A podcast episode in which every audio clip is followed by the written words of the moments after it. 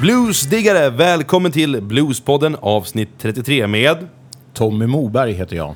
undertecknad Fredrik Skanker-Fred Karlsson och bakom spakarna har vi med oss arbetsnarkomanen Jocke Blomgren. Hoppas ni hinner njuta i denna värmebölja.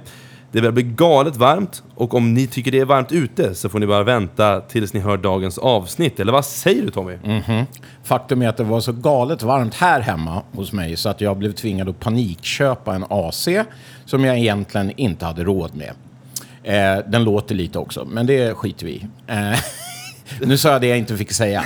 Men jag förmodar att du menar då att vi har ett hett avsnitt på gång. Ja. Ja, det har vi verkligen.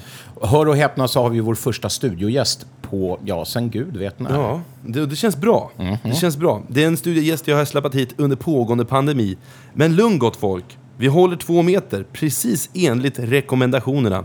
Vi delar heller inte vinglas med varandra och vi gör handspriten i fickan. Nog om det Tommy. Vad säger du? Ska vi bjuda in vår studiegäst? Det vet du.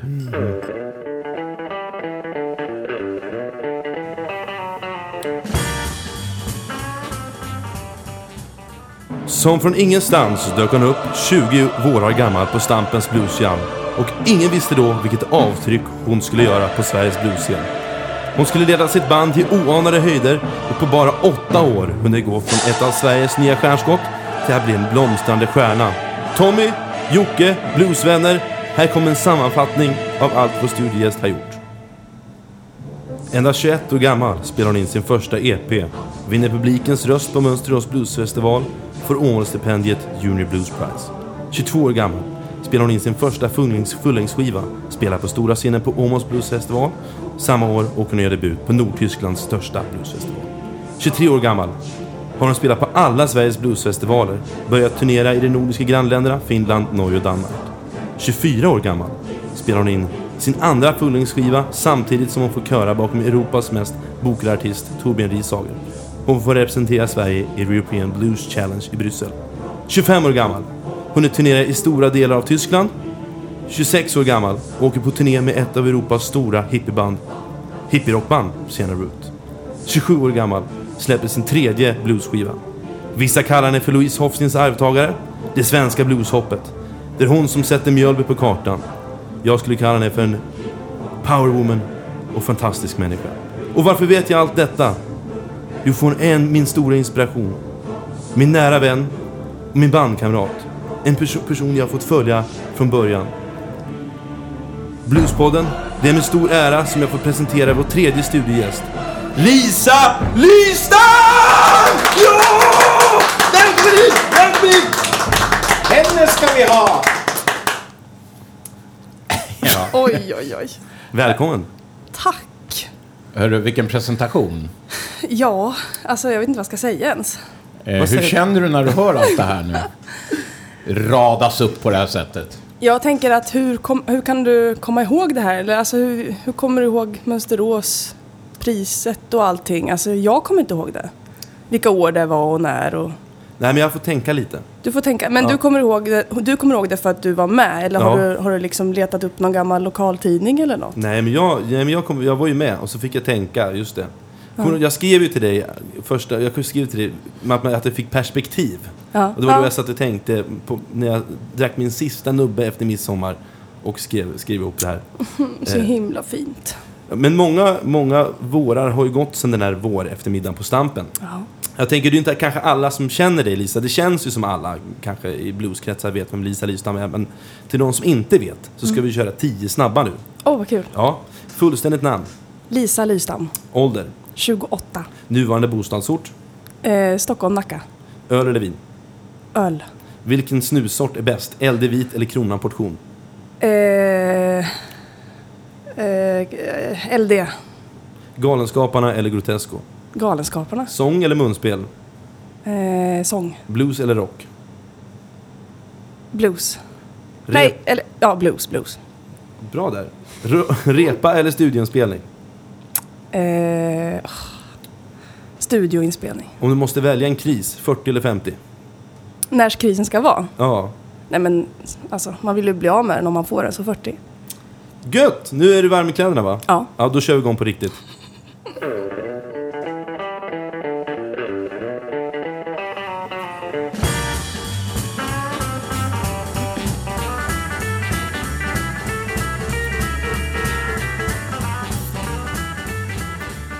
Ja, Lisa, jag kommer ihåg eh, när vi åkte upp till Stampen för första gången. eh, vilken upplevelse det var.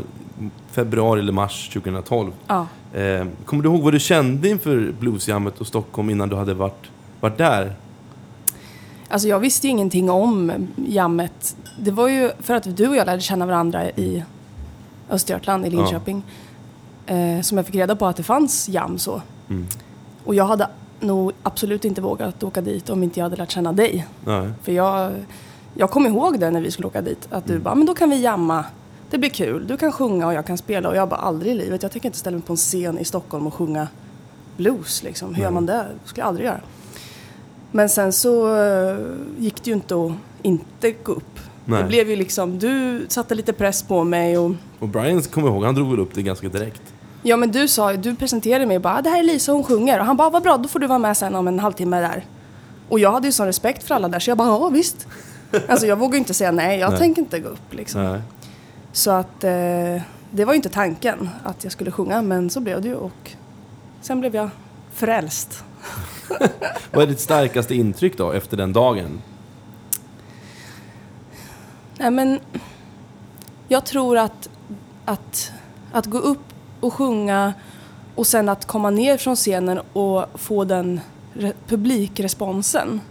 Det kanske bara var, jag vet inte, det kanske var typ två, tre personer som kom fram till mig och sa Men gud vad bra, jättebra sjunget. Och för mig, alltså man har sjungit på skolavslutningar men det är inte som att någon har kommit fram och bara åh vad fint du sjunger. Alltså så, det är mer såhär mm, härligt typ. Men att någon kommer och bara vilken röst wow. Det gav ju mer smak liksom, för det hade man ju inte varit med om förut. Nej. Och det kändes ju som att det var 150-200 pers inne på Stampen liksom. Att alla bara åh wow, vilken succé! Och man kände sig bara wow! Och det där, eh, men det kanske var 40 pers där och det kanske var en person som kom fram och sa åh vad bra. Men jag vet inte, det blev, det blev någonting jag inte hade varit med om förut som blev så stort. Att man blev sedd på något vis. Det här bekräftelsebehovet att stå på en scen. Mm. Bara, jaha, är det så här det känns? Just. Det var ju Det- typ samma som jag kände Ja. med, uppenbarligen. Eller uppenbarligen, nej, så var det ju. Ja. Det kände. Jag, för jag kommer ihåg starkt ihåg ett minne Mm. eh, därifrån. Det var så himla, det är säkert, du tänker på samma. Och jag, det var när vi skulle gå därifrån, vi skulle gå till Skål. Det, Ja. det som inte alls ligger så långt härifrån. Men vi virrade bort oss, vi gick från Gamla stan till, till vi kom till Medborgarplatsen. Ja. Och så tänkte vi, ja men vi sätter oss här och käkar. Så Mm. vi gick in på någon av de där pub, där. Och så käkade vi någonting. Och så, och så skulle jag vara lite så här kara kar och betala för kalaset. Ja, jag kommer ihåg det. här. Ja. Eh, Och du hade typ så här en kro- du betalade med en krona typ. ja. ja.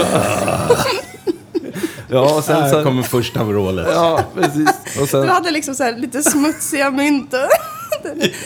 precis, så jag var så stolt med la fram mina knuggliga hundralappar. Ja. Sen så kom bartendern tillbaka och sa att du betalat för lite pengar. Och jag Ja. trodde jag hade dricksat. Du trodde du hade dricksat. Ja, Du sa det lite stolt, jag la lite dricks också. Åh, Åh, gud. underbart. Ja, men du lämnade den här östgötska tryggheten, Mm. eh, uppenbarligen då, då 2013. Mm. Och flyttade hit till Människobyn. Precis. Eh, kan du berätta lite mer om det då? Eh, nej men jag eh, är ju en Mjölbybo i mitt hjärta fortfarande. Och jag ville nog egentligen inte flytta även fast musiken hade kommit in i, i mitt liv. Men jag visste ju att jag var tvungen att göra det. Typ.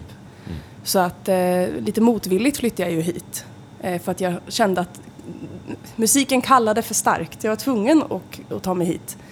Eh, och jag bodde hos Bruno då, eh, Bruno Lindström som eh, har spelat mycket bas med oss. Jag bodde inneboende hos honom och han fick ju liksom följa med mig på tunnelbanan. Alltså för jag hittar ju inte och jag vågar inte åka tunnelbana själv, 21 år gammal. Så han fick följa med mig och visa mig hur man tog sig till Liljeholmen och sådär. Det var ju fantastiskt att han kunde ställa upp. Jag tror till och med han liksom tog ledigt från jobbet en förmiddag för att jag skulle någonstans. Så jag hade ju bra mentor där i början. Ja, shout-out till Bruno. Ja, verkligen. Ja, verkligen. Men eh, Upplevde du att det var jobbigt att flytta? Upp, var det all, kände du någon gång att det var jobbigt att flytta från Mjölby? Eller kände du att det var liksom...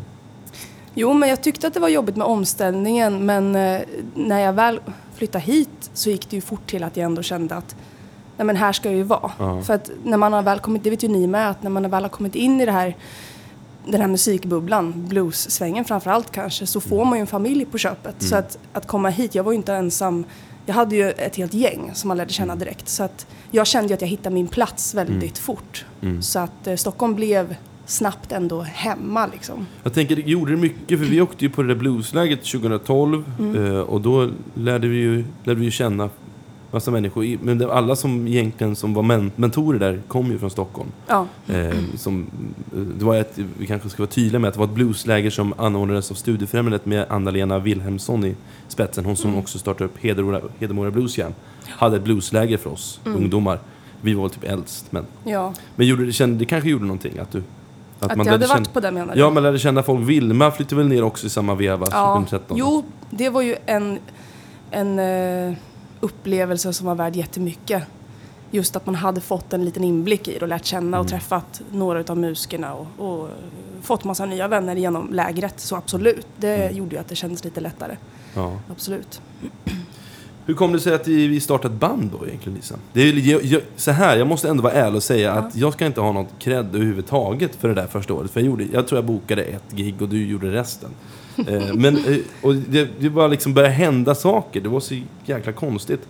Helt plötsligt var så hela min kalender uppbokad. Med, det var Åmål och det var Ölandsturnéer och eh, eh, sådär. Eh, hur kommer det sig liksom att, att du ville dra igång, dra igång bandet? Eller en trio var det med mig, Micke Fall och, ehm, och sen var Patrik med lite grann också. Eh, hur kommer det sig att du startade det? Nej men alltså, det var ju inte så här medvetet starta ett band så, utan det var ju dels du och jag lärde känna varandra. Vi startade en duo Ja, eh, och började hänga och resa runt och, och spela. ja, Och sen så träffade vi Micke Fall mm, som blev eh, en bra kompis till oss båda. Som bara, men han vill man ju hänga mer med. Då eh, får han vara med och, och spela med oss. Och då blev det bara en trio. ja, Och sen träffade vi Patrik som också var jätteskön kille. Ja. Som är skitduktig på trummor. Men han är ju rolig att hänga med. Han får vara med.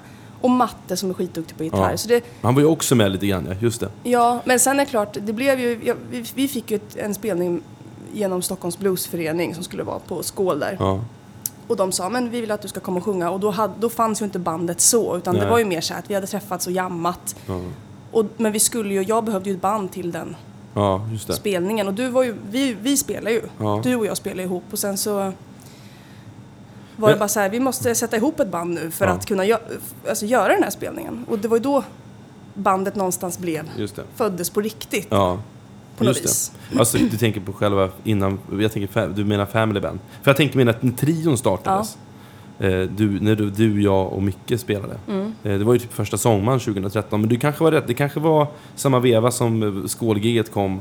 För jag har minne av att vi, du, jag, Micke, vi startade liksom. Och sen så kom Patrik och Matte in senare i bilden. Ja, ja, så var det ju. Trion Ja. var ju först. Ja, Och där vet jag inte, alltså det var väl mer så här, du och jag spelade ihop och sen träffade vi Micke som var svinduktig munspelare och vi, vi var unga och vi höll på att lära oss allting Ja. liksom.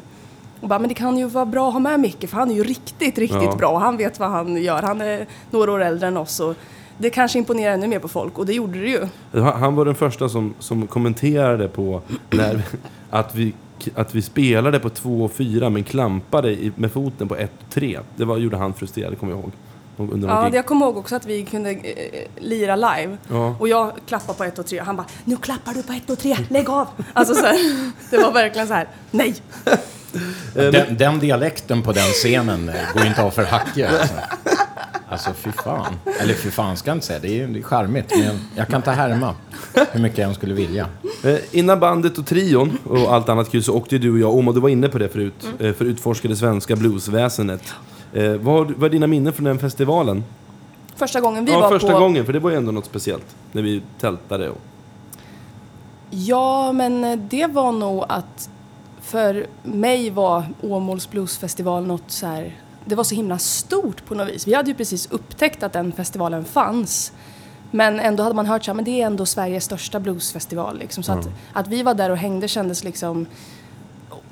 alltså, det här är det största liksom. Här är alla artister som är, som är någonting och det är mycket publik och det, det var liksom liv i hela stan. Det kändes så stort på något vis. Det var sådär, in, ja, men, innan första gången vi skulle spela där, då kom jag ihåg då kunde jag typ inte sova kvällen innan för att jag var såhär, "Ah, imorgon ska vi åka.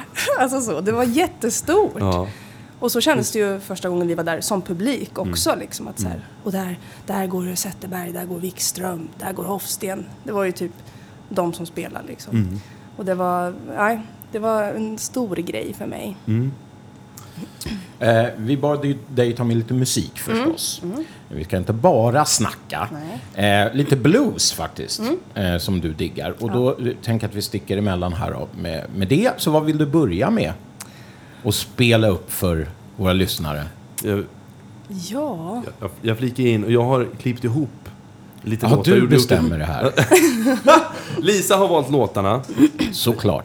och, och jag har gjort, eh, gjort, jag har gjort en Precis. medley. Du har gjort en liten förproduktion. Ja, jag går, in, Ja. jag går in och säger så Ja. Lisa undrar, säger något här och sen så blir det okej, helt annat. okej. Det blir Men konstigt. så det är dig jag ska fråga, vad, vad får vi höra? Eh, Vi lyssnar. Ja. Ja.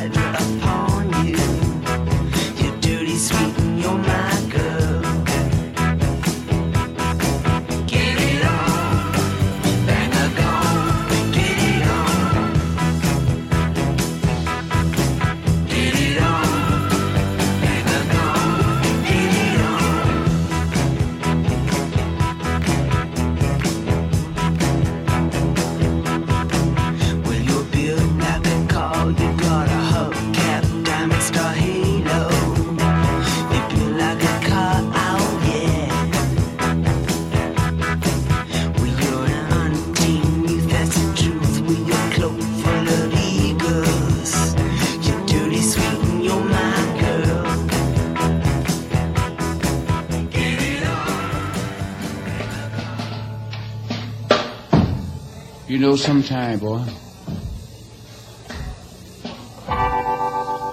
you get sitting at home alone. Mama told me about it. My mama told me about it.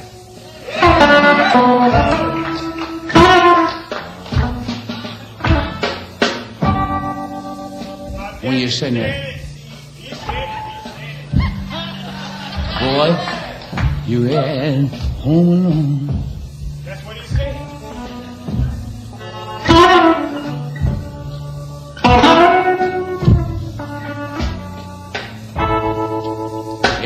You get. I swear, they do you. That's what said. That's what said.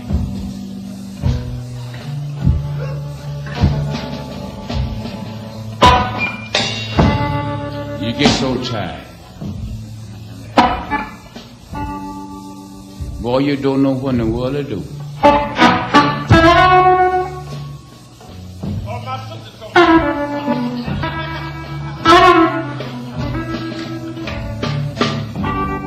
You get so tired. You don't know what to world. Tack så mycket Lisa. Ja, Det var en härlig blandning. Ja. Aron Neville där. ja Hade jag precis. inte hört. Men man hörde att det var han. Ja, Ja, schysst blandning. Du berättade en liten story om... eh, Jag tycker det är alla låtar, eller jag, jag som har följt med vet ju... Det finns ju en st- story som... Det, man kan ju prata timmar om det. Men jag tänkte just om Ave Maria tyckte jag var lite kul. Ave Maria. Ave Maria, det lät lite... Lite Ja. man. Nej men eh, det där är ju roligt för att det är så med mycket musik som jag har hört när jag var barn. Att man, man har hört en låt ifrån någon film när man var liksom riktigt liten och sen när man har blivit äldre så har man hört den igen och fattat jaha, det här var Aretha Franklin eller ja, det var den här artisten, den här artisten. Och jag märker ju att det är mycket av de här souliga, bluesiga åt det hållet som jag snappat upp när jag var riktigt liten och bara det här, det här, det här är bra liksom. Och den här Ave Maria, den, är ju, den var med, jag såg filmen Alive. Eh, jag vet inte när den är ifrån, men 80-talet någonting kanske? Något sånt. Jag vet inte, men den eh, fotbollslaget eh, som eh, kraschar i bergen och äter upp varandra. Eh, och den slutar... Tio år gammal. Ja, jag var typ tio. eh, Något sånt. Och den slutar så högtidligt och fint. eh, De flyger vid bergen där. Och då kom den här låten. Och jag kommer ihåg att jag tyckte att wow, vilken röst han har. Vad häftig låt. Och det här var ju alltså 18 år sedan. Och sen eh, förra veckan så googlade jag bara Ending Song Alive. Så bara, här är den ju. Och så fick jag höra den igen efter 18 år och bara, just då kommer jag ihåg att bara, jag tyckte liksom när jag var barn bara, oh, wow vilken häftig röst och vilken, jag visste inte att det var Ave Maria ens då liksom. Så nu har jag lyssnat på den här skivan lite och det, jag gillar, gillar hans röst. Sen du spelade upp eh, Freddy's Blues också med Hound Dog Taylor. Ja. Eh, och jag vet ju om att Hound Dog Taylor betyder ju någonting speciellt för dig. Kan du berätta relation, om relationen till Hound Dog Taylor? Inte personerna då, men... Nej men Hound Dog Taylor var väl det jag lyssnade på först när jag började nörda in mig på blues. För pappa hade alla, han har alla LP-skivor med Hound Dog. Och vi lyssnade på det där tillsammans och, och vi, han har ju gjort alltså mycket Jimmy Reed-låtar liksom. Och vi, vi trodde ju att allt var Hound liksom, att det var hans låtar. Och sen hade man ju fattat sen att nej just det, han har ju bara coverat massor blues. Så. Men, eh, nej men så vi lyssnar på Hound Dog mycket tillsammans och sen har det bara följt med. Nu var det länge sedan jag lyssnade på Hound Dog Taylor men eh, när ni frågade om låtar så tänkte jag men just att du är med tänkte jag Freddys Blues ska vara med. Och den är ju inte så här, alltså som låt är inte den bara åh vilket arr utan det här, alltså det är ju mer som en, det känns som en film bara. Man, får, man hör att man kan se han sitta på scenen och bara snacksjunga den här låten och så sitter hans polare i publiken och skriker till honom. Ja. Liksom. Det, det är en känsla där som bara fastnar. Det är inte låten i sig utan det är hela känslan, dynamiken och stämningen som gör att man bara älskar den. Jag håller med dig. Eh, du spelade in din första EP 2013, som vi fick höra i den episka prologen. Eh, vad, vad fick du? Och det var med, jag var ju då med mig och så var det med Micke Fall på munspel. Eh, och den är ju en riktig dyrgrip idag. Eh, inte ens jag har ett exemplar av den där plattan. Eh, den är svår att få tag på. Vad fick, det, vad fick dig att vilja spela in den EPn från början? Jag tänker att vi spelar in den för att vi började s- turnera så mycket med Mm. trion och bara vi borde ha en skiva så vi kan sälja eh, Mm. lite, lite skivor på, ute på vägarna. Det var väl egentligen den största anledningen till att vi, att vi spelade in den. Mm. Jag kan inte säga att, att vi satt och var superkreativa och bara åh vi har så mycket låtar inom oss. Det var nog mer bara här kan vi tjäna lite pengar. vi spelar in en EP.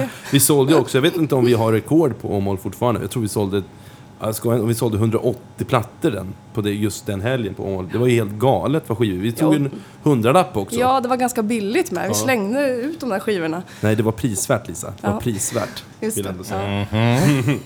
Hur mycket pengar blev det då? Du som har gått i skolan. 100 gånger 180. Det är 180 000. Tusen. Nej, vi får ta Nej. bort den då. Ja, det, du känner mig som den där Sverigedemokraten i riksdagen. Ja, det blir Nej, det var 280 000 miljarders kronor. Nej, men det var väl en fin ut, liksom, vidgande av kassan. Eh, Ja. Ja. Ja, den sommaren var i alla fall väldigt speciell för mig. Jag går vidare i det här makabra. Eh, sommar 2013, vi turnerar ju flitigt. Eh, som sagt, vi spelade på några festivaler. festivaler. Det var då vi skulle spela på Uddevalla Bluesfestival och få sova i stort tält Just det. under rådande storm. Ja. Eh, vi gjorde en turné i Öland eh, och en i Östergötland. Och den i Östergötland var ju när, vi, när de hyschade oss, när vi spelade på en kulle. Vi fick liksom ta en båt över för att komma till en liten ö. Och sen så fick vi spela på en kulle och det var redan jättelågt. Och då, då det, kom de ändå och hyschade ner oss. Och det var, det var dubbelbokat med. Just det, det var dubbelbokat och Det på var det. två jättefina gubbar som skulle spela. Ja. Så vi tog varannat set med dem, tror jag. Ja, just det. Och sen så... Men de gillade mest när gubbarna spelade. Ja, precis. jag kommer ihåg att det var typ 30 grader varmt också. Ja. Det var jättevarmt. Vi hade Som idag alltså. Ja, vi hade ett litet parasoll. Eh, första året, så det, vann, det året så vann du ju Junior Blues Prize också. Eh, På Åmål, i kyrkan. Visste du om att du skulle få det innan? Nej. Hade du någon, hade, hade du någon form av förhoppning? Med handen på hjärtan? Jo, men det kanske jag hade. Ja. Sen, alltså det är, då var det ju inte så jättemånga unga som spelade blues. Så att jag, visst, jag visste ju att det var unga musiker som fick det. Mm. Så jag tänkte att det finns väl en chans att, att jag kan få det. Mm. Eh, men jag blev ju ändå, vad jag kommer ihåg, jätteförvånad och glad liksom, Ja. när jag fick det. Jag kommer också ihåg, det var Ja. väldigt, väldigt fin, Det var fin, fint. fin helg. Eh, känner, du- idag, känner du att allt gick så himla snabbt? Alltså, fick, kände du någon gång att du fick ett storhetsvansinne? För det kände jag att den fick en, fan nästan jag alltså. Den sommaren. Men det gick ju så otroligt bra, så himla snabbt. Så pang. Ja, men för oss utifrån måste jag ju säga att det var ju, de, de, det slängdes ju fullkomligen eh, priser och, och så efter dig. Med all rätt förstås, men det var ju mycket ett tag. Ja, men jag tror att det var så enkelt att, att det var ju... Jag var ju så himla innördad på just blues. Alltså, jag, vi stod på scen och vi sjöng tolver. och Vi coverade svensk blues och vi eh, coverade gjorde Chicago-klassiker. vi. vi gjorde verkligen blues då. Och det att vara 21 år tjej och komma in i, den där, i det gänget var nog väldigt speciellt. För då hade inte så många unga kommit Nej. in i blues-svängen på samma vis. Så det gynnade ju oss mycket. Att vi var unga och att vi ville göra blues. Mm. Eh, men det gick ju fort, absolut. Och, och som sagt, som jag berättade om Stampen där, att få den här bekräftelsen. Det är säkert att det stiger lite åt huvudet i början, sen man känner åh gud vad bra jag är liksom. Jag, jag, jag, nej men jag, riktigt, jag kan känna det. Fan, det var nog bra att jag har skaffat ett deltidsjobb sen. Alltså, det tror jag. Ja. Komma ner på jorden lite. Ja, men Annars hade vi inte stått ut med dig. Nej, precis. Eh, jag tänkte vi ska lyssna lite. Vi har faktiskt eh, via en kontakt eh, fått tag i lite låtar från den här EPn. Så vi ska lyssna på fyra, på ett sånt medley igen. Oj, Ja, Kul. Det är det jättespännande. var jättelänge sedan jag lyssnade. Ja. From the beginning. Ja, exakt. Ska vi, vi kör på det?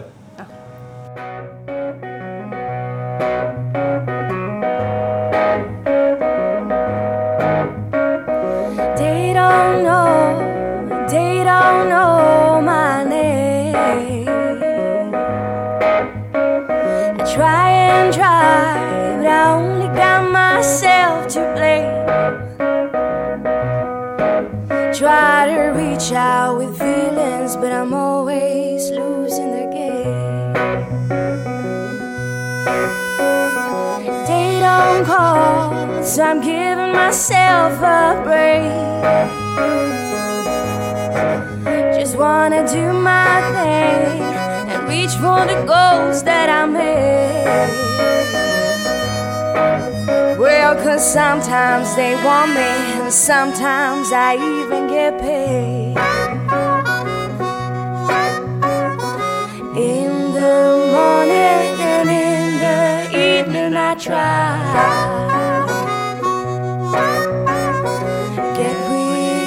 Rejected, feel unrespected, oh my. And I'm doing what it tells me,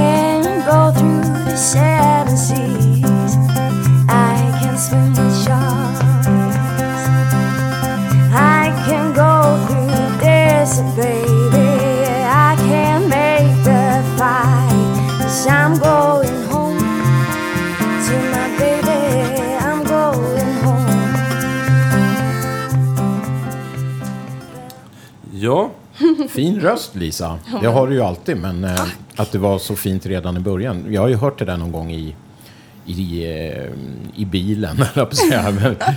Eh, dåvarande flickvän spelade upp och köpte den här, kommer jag ihåg.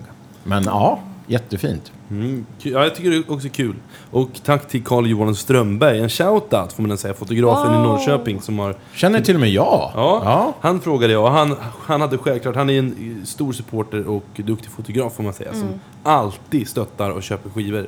Ja. Och, ja jävla fin kille Ja, där. verkligen. ska vi vara rädda om. Eh, och... Eh, vi ska se, nu gjorde jag bort, slängde jag bort mig i manus här. Men det gör Men det gör ingenting, för du vill ju prata om den där sommaren efter. Precis. Jag, vill, jag kan faktiskt säga... Trion. Ja, men jag vill faktiskt säga, vad är den, jag vill inte säga, jag vill fråga, vad är den största skillnaden mellan Lisa då, 2013 och Lisa 2020? Det vill man ju veta. Nej men alltså, jag tror att det bara är att man var sån eh, rookie på allt. Jag kan typ höra på min röst här att jag tycker att det är coolt att stå i studio och sjunga in i en mikrofon. Wow, det här har jag inte gjort förut. Alltså man hör det där att det är lite spänt och lite, med lite eh, nyfiken och här. Och eh, nej men också det här bara man lyssnar på texterna, bara, vad skrev man om egentligen? Det, så här, det, var han, det var inte som att jag tagit någonting från mitt eget liv utan det var mer det här bara, vad handlar blueslåtar om? Ja men det är mord och eh, olycklig kärlek och massa man dricker mycket Att du vin. stal sprit där i en Ja. Ja men precis och det är så gull, det är gulligt på något vis Ja. också. Eh, så att jag vet inte. Nu idag försöker jag väl kanske skriva texter som är lite mer utifrån vad jag har varit med om Mm. och inte mitt alter ego. Lazy Lizzy. Precis. Ja. Efter den sommaren så stod det ganska klart för alla inblandade att den här trion eh, växte och blev ett band som du var inne på. Eh, och det skulle bli grunden till det som är Lisa Lystam Family Band idag. Och vi spelade in vår första fullängdsskiva två januaridagar. Och varför tror du att det utvecklades till ett band och inte stannade kvar som en trio? Jo men det var ju det där som jag sa just att vi fick en spelning i Stockholm. Mm. Eh, där det skulle vara fullband. Och sen tror jag att både du och jag kände så här, men det är ju kul att vara lite fler som Mm. åker. Visst? Det blev liksom du, jag och Micke och vi blev ju som syskon liksom. och Tjatade och gnabbades och kände varandra helt och hållet. Micke måste nog hatat att umgås. Nej, gjorde han inte. Han måste tycka var, vi var jobbiga ibland. Han var ju Ja. ändå typ, han är ett par år äldre. Ja men han tyckte nog att vi var youngsters Ja, som, eh, som larvar runt. Men vi hade ju väldigt kul också vi tre. Ja, det hade vi. Det var jättekul. Nej men vi ville väl bara bli fler och sen att vi träffade ju musiker på vägen som, som vi tyckte var bra, som vi ville göra någonting med. Precis, för Matte bodde ju då i Uppsala. Ja, Eh, och han hade ju ett band som hette Little King precis. 2013. Eh, De som- röstade jag på, på Mönsterås Bluesfestivals gatu eh, tävling. Året innan. Då röstade jag och Tintin på Little King. Nej, kul. Och de fick väl någon här publikens pris eller något i alla fall. De fick inte det här högsta, men ändå. Så där bidrog jag lite. Ja, priset var ju då att man fick åka till, eh, till eh, Tyskland. Ja. Eh, och det var ju det som drar mig in på nästa fråga. För det var ju sommaren 2014 som vi gjorde vårt första Tysklandsgig. Du var 22, jag var 21. Och Tom, jag vill bara kolla, vad gjorde du när du var 21? Hörru du, det här var tur att du eh, förskrev i ett litet manus så att jag kunde förbereda mig på den här frågan. För om jag bara skulle få den eh, så skulle jag bara sagt What? Jag jobbade med barn i en skola i Älvsjö. Jag bodde i en liten skrubb utan dusch i förorten Västertorp. Musikaliskt spelade med lite olika band, bland annat ett band som heter Rubberman. Tänk Red Hot Chili Peppers möter Rage Against the Machine Oh. på en hippiefestival. typ så. Finns det, kan man lyssna på det någonstans? Ja, där står, eh, pekar jag här på min vägg, så finns det en skiva där. Och sen så spelade jag faktiskt lite på Kaos och började lukta lite på bluesen där också, runt 21-årsåldern. Med ett eh, band som heter Smokestack Blues Band bland annat. Så det gjorde jag, 21 och 22. Ja, jag tyckte bara var kul. Jag har som sagt, men jag får perspektiv, man har hunnit med att göra så mycket. Ibland glömmer man ju bort det. Att man så här, ibland kan jag gå runt och känna så här, jag har inte gjort, man har inte gjort någonting. Jag menar, jag har ändå fått vara med, fått den stora äran att få vara med från början. Ja. Så det känns, fan vad man har gjort grejer. Känner inte Men du så när bra? du säger sådär, få vara med, det, det tycker jag låter konstigt Ja. för vi gjorde Ja, det, det tillsammans. Det var inte som att jag, Nej, att du fick följa med och Nej. bara, du kan väl få vara med. Nej. Vi gjorde det verkligen ja, ihop. Det gjorde, det gjorde, och det gör vi fortfarande idag. Ja. Faktiskt. Det är Ja. fel ordval av min sida. Bra att du... Ja, och Men, ord. men du styrde dem med järnhand. Ja, ja, ja. Ja. Har du något speciellt minne från den där eh, festivalen i Nordtyskland, Binz? Rügen, Rügen Bluesfestival. Ja, För jag har ett specifikt som är både pinsamt men också jävla roligt som vi ska få använda men vi kommer använda lite bipar i för att vissa namn inte Är det ska- pinsamt så vill vi ha det Ja. i, i podden? Ja, det är så kul att du frågar mig, så har du något minne? Jag bara, ja, du bara, för jag har ett minne. och liksom inte... Men berätta ditt minne först. Ja, men jag vill bara säga att det var så kul för att då, det, vi var ju inte vana vid att bo på hotell. Det var ju ändå så pass nytt liksom Ja. att få bo på hotell och äta hotellfrukost. Jag kommer ihåg att de hade sju olika sorters mjölk på hotellfrukosten. Ja men det var så kokosmjölk, havremjölk, vanlig mjölk, lättmjölk. Alltså all, det var så mycket mjölk. Jag tyckte det här måste vara ett fint hotell alltså. Sju olika sorters mjölk. Just det. Och, Det är skönt när du får en fråga om ditt första så här, utlandsfestivalsminne och du kommer ihåg sju sorters mjölk. jag kommer ihåg Det är så jävla bra. Från den festival, festivalen så kommer jag ihåg att det var ju um, att de också stod och stekte ägg. De sa Guten Morgen! Och så fick man ägg stekta på morgonen. Det var också Ja, det är häftigt. inte mer än rätt tycker jag. Men jag kommer ihåg, ska, jag har egentligen, nu kommer jag på att det var två jävligt ob- obskyra minnen Ta det därifrån. pinsammaste. Det mest pinsammaste, det var ju, eh, vi får stoppa här sen och, och, och bipa det här tror jag. Men jag, Nej, våra lyssnare kan ta mycket ska du Ja, veta. ja, men det tror jag inte vissa lyssnare kan göra. Men det var, en, det var ju när våra bokade Sören. Det var ju, vi åkte dit med två band. Ja. Eh, och det ena bandet eh, var ju en, kommer från Trelleborg. Och det hade ju Lena Andersson som idag driver, eh, eh, som driver där nere i, på Öland. Har ju hon en bluesfestival nu.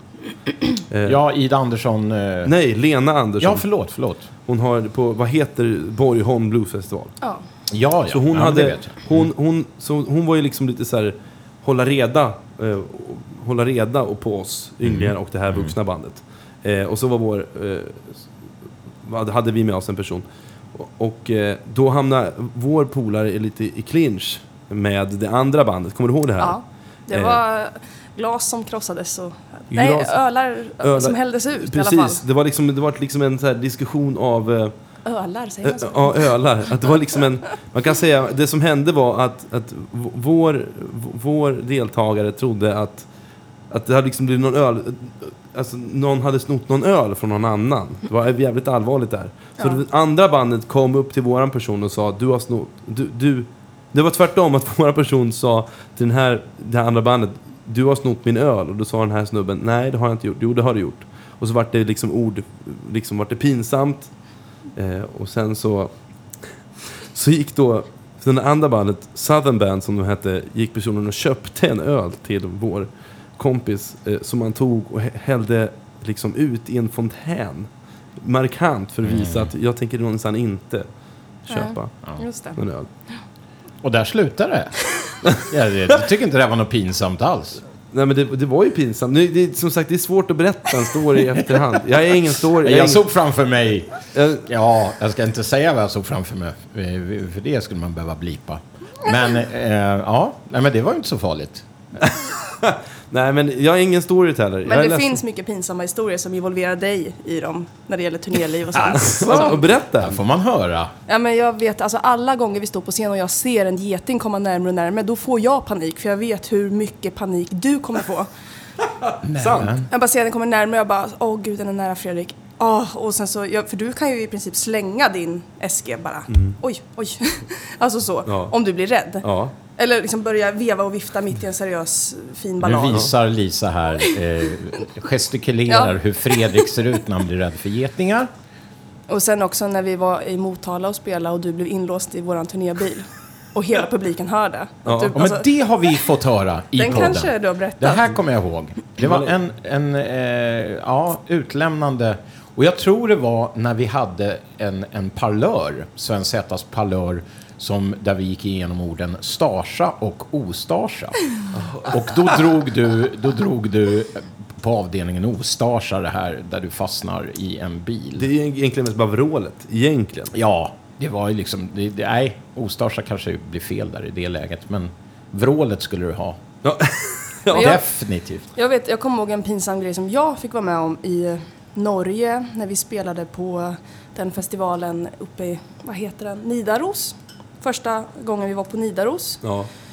Då hade vi giggat, gjort ett bra gig sådär, vi var nöjda. Så kommer det fram en norsk kvinna till mig och går fram nära och bara ja men det var, det är ju du, det var kämpefint och så här bara lovordar mig och jag står där och bara ja men tack, tack, åh, tack så mycket, kul. Hon bara nej, det är icke du.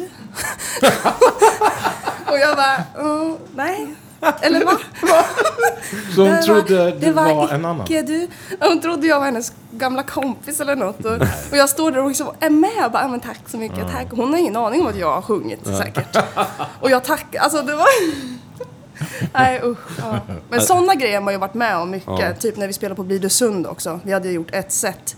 Och jag står ute på och kollar på vattnet så står en gubbe och tar en bild på mig och jag ler sådär. Och han bara, nej alltså jag ska ta bild på naturen. Kan du flytta dig lite? ja, ja. Och man känner sig så dum. Ja, Ja, vad härligt. ja. Ja, det finns, det finns my- mycket turnéminnen. Ja. Det gör det. Eh, jag kan inte släppa riktigt den där dåliga historien. Kan, man få, kan jag få ett nytt försök? Ja, ja, ja. Ja, ja men då, jag drar från samma, samma festival då. Jag vill liksom I Bluespodden ger vi alla en andra chans. Tack, vad snällt. Det är också från samma festival, för de hade ju självklart en pool där i, i botten på det här hotellet. Eh, där vi plaskade omkring. Hela bandet Bruno var med då också. Och det var Patrik, Matte och det var jävla lyx. Vi låg där och tog med oss det. Låg och plaskade i den där poolen. Och ner kommer vår bokare Sören. Ja, och, så, och så är det en liksom en... eh, Och så var det som en bar där. Som det stod liksom som en sån stor termos. Va? Och så säger han, ja man pratar ju så här stockholmska. Va? Så då säger han så här. Ja, kolla, finns det ju örtte. Så vi, han börjar liksom pumpa upp, så här, som vi tror, te i koppar till oss. Så fan vad lyxigt att ligga där liksom i spa och smutta örtte hela det till en hel eftermiddag. Så, oh, mysigt. Så här. Alla dricker och det teet går upp. Inte så rockigt, men... nej, nej. Men det, bara, det var bara lyxigt. Ja, vi ligger ja, där och dricker örtte liksom. Och, så här, och, och bara, vi bara läckrar oss. Och helt, sen helt från ingenstans så kommer det, så kommer det liksom personal. När Sören ska gå och hämta mer te så kommer det personal som skriker Nej! Nicht good, nicht good, nicht good. Så bara står och skriker. Och så Sören bara på lite så här, ty, fake-tyska, was ist das? Och, så här, och då pekar han, nicht good, och så pekar på magen. Det visar att den här termosen innehåller inte örtte, utan innehåller rengöringsmedel som Nej! göra rent i, i termosen. Och där sörplar vi så här, två timmar innan gig så, här, så sitter vi och sörplar örtte. Men kände ni inte att det smakar liksom tvål, höll jag på att säga? Det. Poolrengöring. Nej, det, det, smak, det smakade... Det smakade... Jag kommer ihåg det så starkt. Det smakade English breakfast. Smakade. Jag kommer ihåg, Det, ja. det bara säger att ni aldrig dricker örtte. Nej. Inte bara, ni bara så här, så här ska det nog Ett smaka. te som smakar ägg och bacon har jag aldrig druckit. Så var det en bättre historia? Ja, det var den? mycket Ja, bättre. Tack. Mycket bättre. tack. Men får jag bara, spydde någon sen då? Nej. Det blir inga akut Nej, men besök. Bruno var väl jävligt nervös. Han gick upp och knäppte en öl och var så här. Åh, måste ta lugna nerverna. Ja. Jo. Men eh, ja, eh, samma år så släppte vi en skiva också. Ja. 2014. Eh, One Man Is Running Out. Vad, vad är dina tankar kring den pl- plattan? Jag vill lyssna på den först och sen säga. Ja, absolut. Ja, då Nu lyssnar ska vi. vara musik. Ja. Är det här Lisa Lystam Family Band första? Ja, Ja! exakt.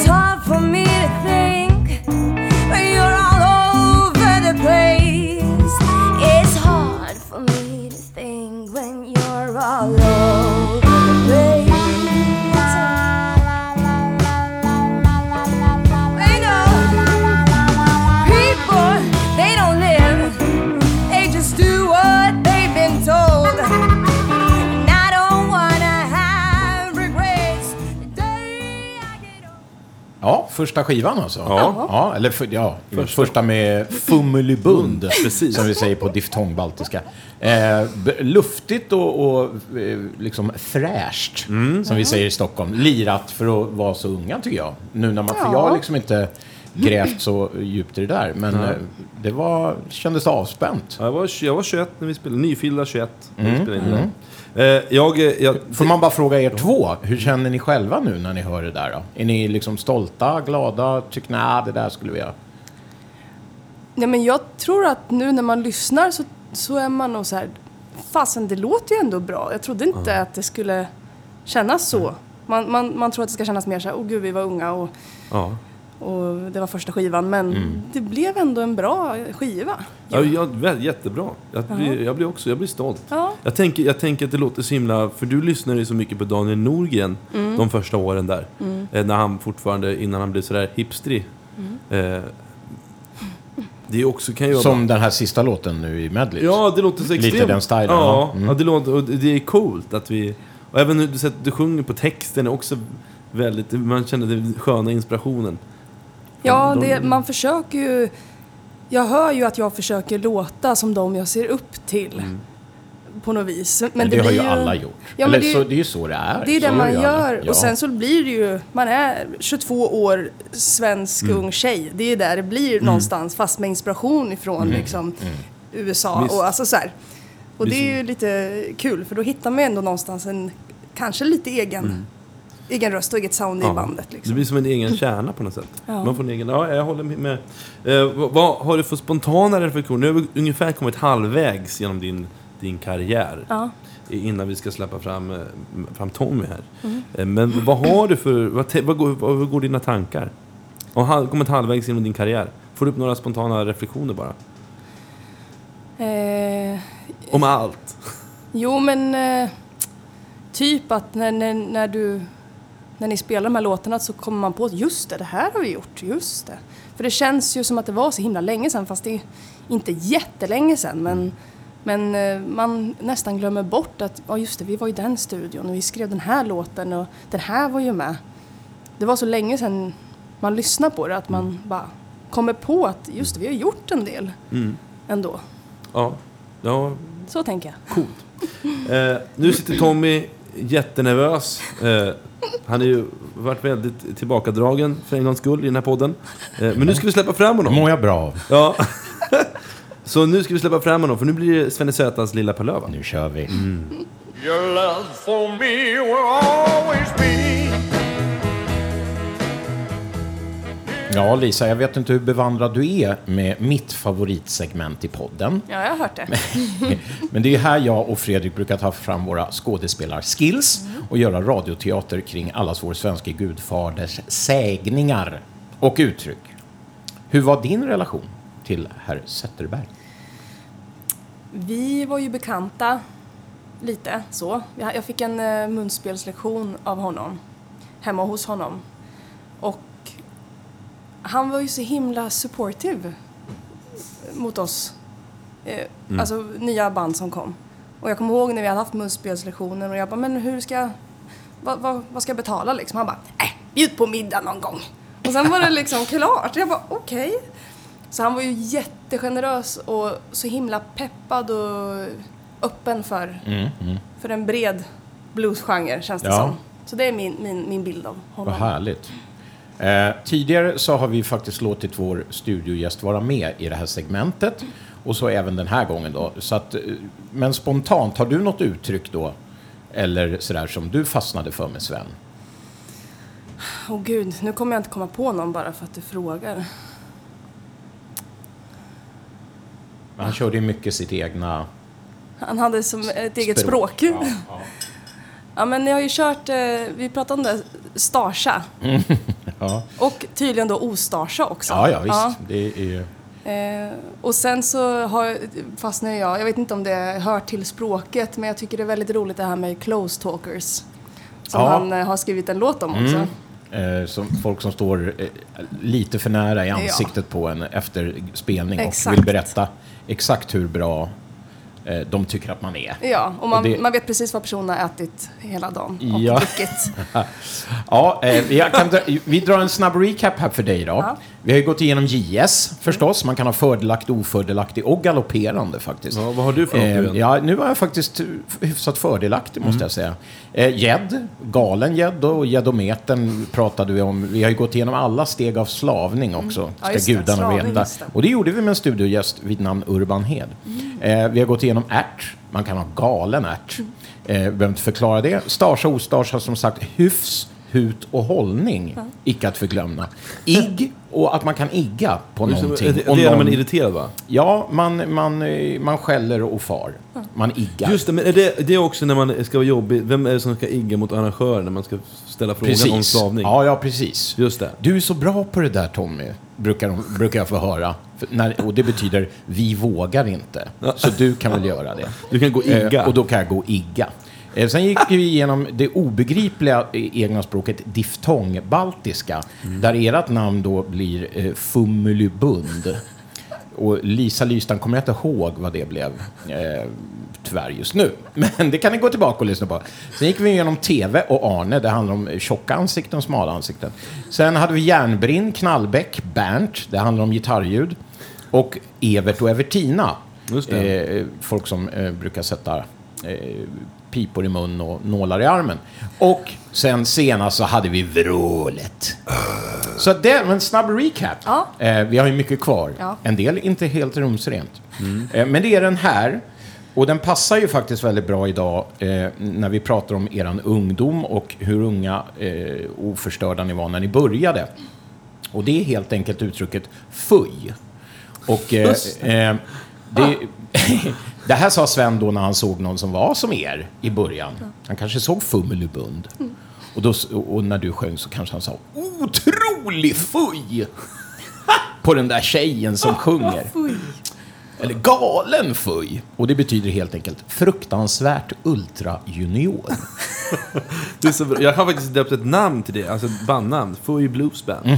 På mina jam. Ja. Tack nu Edvin och Morris kan starta sådana. Ja. De är 16 och 17. för evigt ultra. Ja, så där fick ni fuj. Så det, jag tänker att det blir inte längre än så här idag, det här segmentet.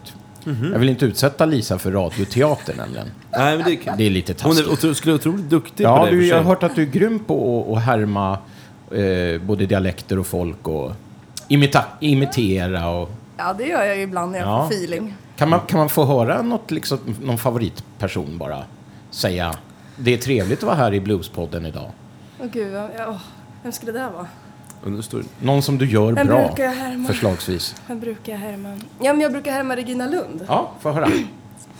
Det är otroligt trevligt att få vara här i Bluespodden och bara känna energin och se hur underbara alla människor är och deras härliga aura. Ja, det är applåd. Bland det bästa jag har hört i... Och då har jag hört mycket, ska gudarna veta. Hon har väl så här lite, hon låter lite trängd i rösten så här. Men också medveten om att hon är väldigt sexig hela tiden. Verkligen, precis, precis. Nej, vad härligt. Tack Lisa. Det där var det, var det bästa på hela Svens heta grej. Ska vi köra bumper på det? Ja, vi kör vidare. Vi måste hämta oss.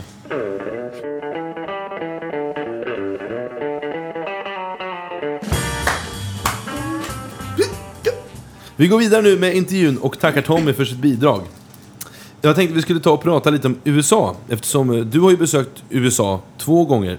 Eh, Ena gången med Claes Yngström. Och det är ju Starsa. Andra gången åkte du och jag för att uppleva The Land of Dreams. Vad gjorde USA för intryck på dig? Alltså, Och Tommy är- har ju också varit där vill jag säga då. Ja, ja. Det är... Förlåt. nej men jag är jätteglad för att jag gjorde den här resan. Det var ju inte så att jag och Yngström åkte som en duogrej tillsammans. Han ordnar ju tillsammans med Anders Roddar eh, olika resor till USA. Med musikinriktning, tema, precis. Så då hängde jag och Bruno med på det. Eh, och jag är jätteglad för att jag gjorde det där när jag var, jag var väl 22 då tror jag. Eh, N- Och när jag var som mest, hade den mest så här romantiserade bilden av USA och södern, typ. Eh, och fick se det då. Eh, för att idag, åka till USA idag, tror jag är lite för Trump-infekterat för mig. Alltså man är inte lika sugen på det. Och man, nu när man är mer medveten om liksom klassklyftorna och hur det faktiskt är i södern. Alltså rasismen och allting. Det, när jag var 22 år, det var ingenting jag ens reflekterade över. Utan det var bara häftigt att få gå på en riktig lik- liksom, juke joint och bara... Träffa Buddy Guy. Ja, ja men var, åka, vi åkte ju tåg från New Orleans till Chicago. Alltså, och bara jammade på det där tåget med folk. Alltså det var en film kändes det som. Och jag hade nog inte upplevt det på samma vis idag. När man har lite mer distans till den här nyförälskelsen kring bluesmusiken som jag hade då. Så att ehm, det var ju en drömresa för mig att göra. Och också den vi gjorde. Det, det var rätt tid att se blues-Amerika Ja. Så New Orleans, Chicago, var det några mer städer? Clarksdale var vi i. Vi var i Memphis. Vi var i New York. Vi var i eh, New Orleans. Och sen när du och jag åkte Fredrik så var ju vi också i New York och sen var vi i Nashville, Memphis igen. Austin och New Orleans också ja. Mm. I Austin, var, för att köra en recap, då vi hade ju en studie, inte en studiegäst, men jag intervjuade en man vid namn Hasse. Eh, Ganska tidigt i podden. Och hade, vi besökte bland annat honom, för han bor ju delvis i Austin. Precis. Och Han vi- körde runt på oss i sin eh, fina gamla bil och Ja. visade oss alla ställen. Vi träffade Jimmy Vaughan fick vi göra. Ja. Du vad? Och eh, Lacey Lester. Ja, just det. Jag var där. Ja, sköning. Ja. Spelade ihop. Ja. Det var han eh, som gick runt med, en- med en t-shirt med sin... Excello. Ja, han, han gick runt med en t-shirt med sin gamla, med, vad heter det, Sugar-coated Love-trycket ja, på. Precis. Excello-inspelningarna var han väldigt stolt över och tryckte upp t-shirtar på singlarna och sådär. Just det. Men de sålde bra de där mig. t-shirtarna. Men det där var ju så kul då när vi var på den här eh, lilla krogen där Lacey Lester och Jimmy Vaughan spelade. Mm. Och vi tyckte det var ju helt sjukt. Det kostade fem dollar eller något att gå in liksom. Och sen så gick jag på eh, toaletten så råkade jag stöta in i en snygg kvinna där. Jag sa så oh I'm sorry. Och så började vi småprata lite. Och hon bara, "Ah, you're from Sweden och bla bla bla. Och jag bara, yeah, it's so amazing to be able to come to a small bar, pay five dollars and see Jimmy Vaughan. That's, that's sick. Och så sa hon så här, yeah, that's my husband. Och jag bara, oh, okej. Så vi, vi blev lite kompisar där och hon var skittrevlig. Så det, det var så, man var så himla nära det bara. Man trodde inte man kunde komma så nära. Nej. Men där stod man och liksom drack en drink med en Vaughan. Ja, ja det är ju... Ja, jag, jag lyckades då göra ett dåligt intryck och det är ju förvånar väl säkert ingen i den här podden att jag lyckades gå fram och säga att allt man inte får säga till min. Eller egentligen, jag, för mig, jag tycker inte det var så konstigt. Jag gick ju fram och sa Well, both you and your brother have meant a lot to me. Men då, det tog slint och då, det var liksom färdigpratat där. Nej, men det tror jag inte. Det var ju, för jag sa ju till dig att du skulle inte sagt någonting om brorsan. Det kanske var det som gjorde att du Men kände... precis, ja men för det var lite så konstig stämning typ. Och, då, och jag tänkte att jag kanske kan säga det förutom att man kanske inte går fram och bara pratar om Steve. Jag gick ändå fram och sa både och. För jag lyssnar mycket på Jimmy. Jag såg en, en intervju nyligen när han sa back in the day, eller för, för några år sedan så kunde jag verkligen inte knappt gå ut och spela för att jag orkade inte höra om Stevie hela kvällarna. Nej. Inte att ja, de bryr sig inte om mig, utan mer känslomässigt Ja. jobbigt att bli Ja, påmind om, om sin brors död hela tiden. Ja, visst. Så han var så här att, ja nu går det väl bra, men så det kanske var det då som... Ja, Klicka i- till. Bra, jag har alltid undrat över den där gången. Men sen vet jag också, för han märkte, jag gick ju fram och stamma och var så jävla nervös. Vet, han skrattade. Ja. Han började typ så skratta om mig, Ja. för han såg ju full jag var antar jag. Men... men Vilken eh, ärt du hade. ja, precis. Men eh, ja, det, var helt, det var en fantastisk resa. Men vilken stad känner du liksom att du drogs mest till? I staden? Är det någon speciell stad du bara så det här... Fan, den här stan längtar jag lite tillbaka till. Jag vet inte om jag längtar tillbaka, men mest intryck gjorde typ Clarksdale. Ja. För att det kändes lite som... För Memphis och Nashville är så turistigt Alltså visst, man kan åka ut en bit utanför stan och hitta ett genuint coolt musikställe. Men Clarksdale är fortfarande ändå lite genuint som det är bara. Det här Ground Zero eh, känns inte så turistigt utan det känns som att det är ett gammalt Jag vet inte om det finns kvar ens längre men Det är väl Morgan, är det Morgan Freeman som har- äger den? Ja, jag tror i alla fall att han har varit med och supportat så att den kan Ja. finnas där eftersom det är ju, det är ju inte som att det är en storstad så, men massa, Nej. det är ju tu- blues-turister som Ja. kommer dit liksom. Ja. Men, eh, men jag vet inte, det kändes på något vis då som väldigt äkta. Mm. Idag vet jag inte riktigt hur jag skulle känna, men då kändes det så. Både, Tommy, du har varit där två gånger. Du har faktiskt spelat. Eh, Jag har varit där fem gånger. Du har varit där fem gånger, ursäkta. Men eh, ingen jag skulle höra vad ni tycker är den största skillnaden på USA och Sverige. Lisa, du får börja. Det är väl det, motsatserna. Alltså, ja, de är väl så olika det bara går att bli USA och Sverige. På alla vis. Eller menar du musik? Eller? Nej, bara allmänt. Bara om du bara... Men det har du rätt i. Det är ju, det är ju verkligen motsatserna. Icke Ja, pålästa. men USA är som Sverige fast tvärtom. Ja. Ja visst, nej, men jag tänkte rent musik, musikmässigt också, men jag tänker så här bara allmänt. Bara, jag tänkte bara Nej, alltså, öppna upp en diskussion här. Jo, men jag eh, har tagit den en gång i podden, men jag kan ju dra en snabb recap att jag tycker att musikaliskt så har jag aldrig upplevt eh, nå- några som är så underbart plussande som kollegor och liksom, fans i, i USA. För att de är väldigt Ja, men väldigt... Eh, det känns som att det är uppriktigt. Det känns inte som det är spelat. Och det är en vänlighet och ett plussande som jag är väldigt ovan vid. För vi gör ju inte det här i Sverige alls. Så där är vi väldigt olika. Jättemycket ryggdunkeri på rätt sätt. Och att man är så här... Hey man, you're awesome. Och, can I help you in some way tomorrow? I, I can get you a gig tomorrow at this club. Och man var så här, va? Yeah, yeah, you're gonna play there tomorrow. Du vet så här, let me give them a call och så här. Så det är väldigt bara hjälpa till och du kan få låna vår utrustning och så gör vi det här, så gör vi det här. Åka med folk, du vet sådär på... Och, ja, men de vill visa upp det och... Nej, jag... Jätte... Ja, men det gillade jag mest med USA. Just det där... Ja, att man...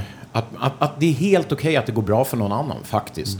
Det är helt okej. Det, är- det, är- alltså, de blir genuint glada att det går bra för någon annan. Inte alla förstås, men de som vi har träffat. Så att det måste jag säga är otroligt bra. Och Kalifornien älskar jag. Klimatet och stämningen. Så, att, ja, det är väl skillnad, vet jag ja, det är en stor skillnad. Ja. Det är det. Ja, jag håller med. Det är en annan typ av social... Alltså man, man plussar varandra mer. På ett annat vis så. Och man är bättre på att prata om sig själv och plussa sig själv också. Än vad vi är. Så Ja. det. Man ja, ger och tar Ja, man skäms inte för det och, och det blir, känns inte fult heller när man gör det där. På något sätt. Nej. Jag, jag tyckte aldrig var att folk skröt när de pratade om sig själva. Det kändes bara som att det var helt okej. Eller- Det är så kul för att de har ju också så ett sätt att... eh, Alltså, vad ska man säga? Ja men de säger ju alltid så här, how, how, how are you? säger de när man, när man säger hej, som vi säger hej hej, så säger de hi, how are you? Och det säger också någonting om dem, att man, det är inräknat, hi, how are you? Men man svarar ju inte på det, man säger Nej. hi, how are you? ja. Och när, vi, när jag var i USA första gången och det var någon... Då började du berätta Ja, hur ja. din dagsform var var. jag tror att det var någon städare på hotellet som bara hello, how are you? Jag bara I'm fine. How are you?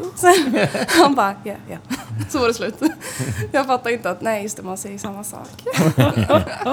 Jo, men den fällan har vi gått i några Ja. gånger. Ja. Börja förklara. Liksom. Jag, jag ju faktiskt, jag ju, jag ju, vi var i New York, så då var ju, du var ju betydligt mer världsvan än jag. Jag hade ju knappt flugit då.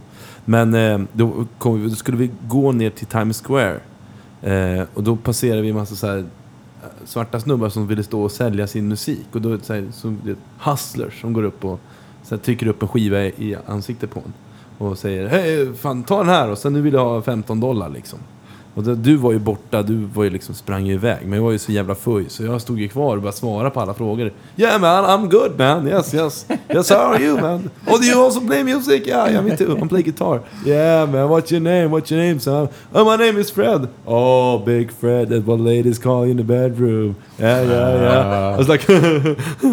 know, en, och sen så gav han mig en skiva som han signerade, Big Fred from eh, någon hiphop-platta. Och jag tog emot den där och sen, you know, now I want like 15 dollars for it.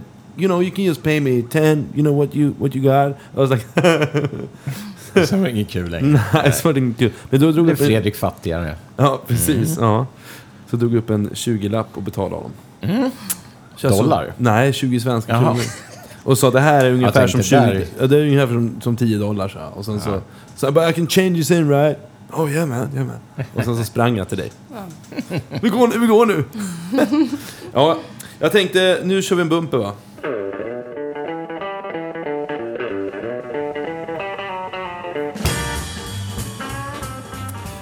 Året är 2015. Det är det året du inleder samarbetet med Torbjörn Risager and the Black Tornadoes. Eh, Som man får säga är, är, att, är ett av Europas mest bokade band, Lisa. Eh, varför blev det samarbetet till?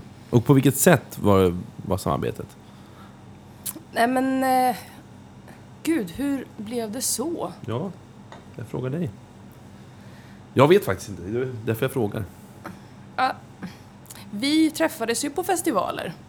Sådär och, och sen, och han hej, det, då var ju du med Fredrik, han kom ju fram och hejade sig. Lisa! Yeah! Trevligt! Och jag bara, "Va- hur vet han vem jag är? Men han hade koll på det. Och sen så träffades man på festivaler och sådär och sen så lärde vi känna dem och Ida Bang och jag fick hoppa med på deras liveskiva och köra. Mm. Och så gjorde vi lite spelningar i Danmark och Tyskland och var med i Sverige också lite och spela. Och så fick vi sjunga en, så sjöng jag en duett på, på den skivan också. Det är en liveplatta. Ja, Ja, precis. Eh, Ursäkta, jag ska börja den här. Jag kommer ihåg att du är ett stort... Eller vi var ju båda ett fan av dem. Framförallt så lyssnade vi mycket på den här plattan, Too Many Roads, som släpptes innan du var med och köra. Eh, hur är det att jobba med sina idoler, tycker du? jag var ju, jag hade ju, vi hade ju verkligen lyssnat mycket på dem. Så att man hade jättestor respekt för dem. De är ju jättehärliga. Mm. Vi träffade ju dem senast i höstas när vi var i Polen. Jag fick vi hade en igen. riktig blöt utekväll Ja. med danskarna. Eh, Så de är ju jättesköna och trevliga och, Mm. och sådär. Eh, Men det var jättenervöst för att det var ju också så här. Vi hade ett, ett rep innan och sen så gjorde vi två spelningar i Tyskland och under de spelningarna så skulle, nej det var under bara en spelning så skulle liveskivan spelas in. Och det var liksom andra giget vi gjorde med dem. Och Risager är väldigt mm, perfektionist hur det ska vara med körer och sånt. Att det, så jag märkte att det var så här, det ska vara hög nivå. Och jag är ganska, jag kan inte alla körer, det var Ida som, hon är ju skitduktig på det där så hon styrde ju upp det där. Men jag var jättenervös för jag ville ju verkligen leverera. Och sen när man skulle, skulle sjunga duett också var jag jättenervös för att man ville. Det var en väldigt fin, lugn ballad. Då vill man ju att det, sången ska sitta för den hörs så pass mycket. Det, man kan inte ljuga bort sången med en rockig röst utan Ja. det ska vara liksom rent och vackert. Den hade inte jag med, den heter I Won't Let You Down, finns på liveplattan. Som heter From the Road, tror jag, på Ruff Records. Eh, men ett minne jag har angående spela sina idoler, som jag också har med mig här, som jag- vi ska lyssna på. Eh, och det, det är kanske bara jag som tycker att det är men jag tror det tycker samma. Det var när vi båda fick spela med Roffe Wikström på Åmål 2014. Där han spontant plockade upp eh, oss på stora scenen. Eh, och vi båda fick vara med. Jag tänker att vi ska lyssna på det ögonblick eh, när, när alltså jag släpper in oss eh, när du går på scen. För jag tycker det är ganska speciellt. Har du det? Jag har det här, Jaha. så vi kan lyssna på det. Eh, Lisa äntrar scenen. Eh, det, är ingen, det är inte någon, det är inte någon eh, så här introduktion, utan hon äntrar bara. Och det är när han, han, han ser att vi står längst fram, Roffe Wikström, och så tar han bara upp Lisa. Helt spontant. På Ja. Åmåls stora scenen. Vi släpper in och lyssnar.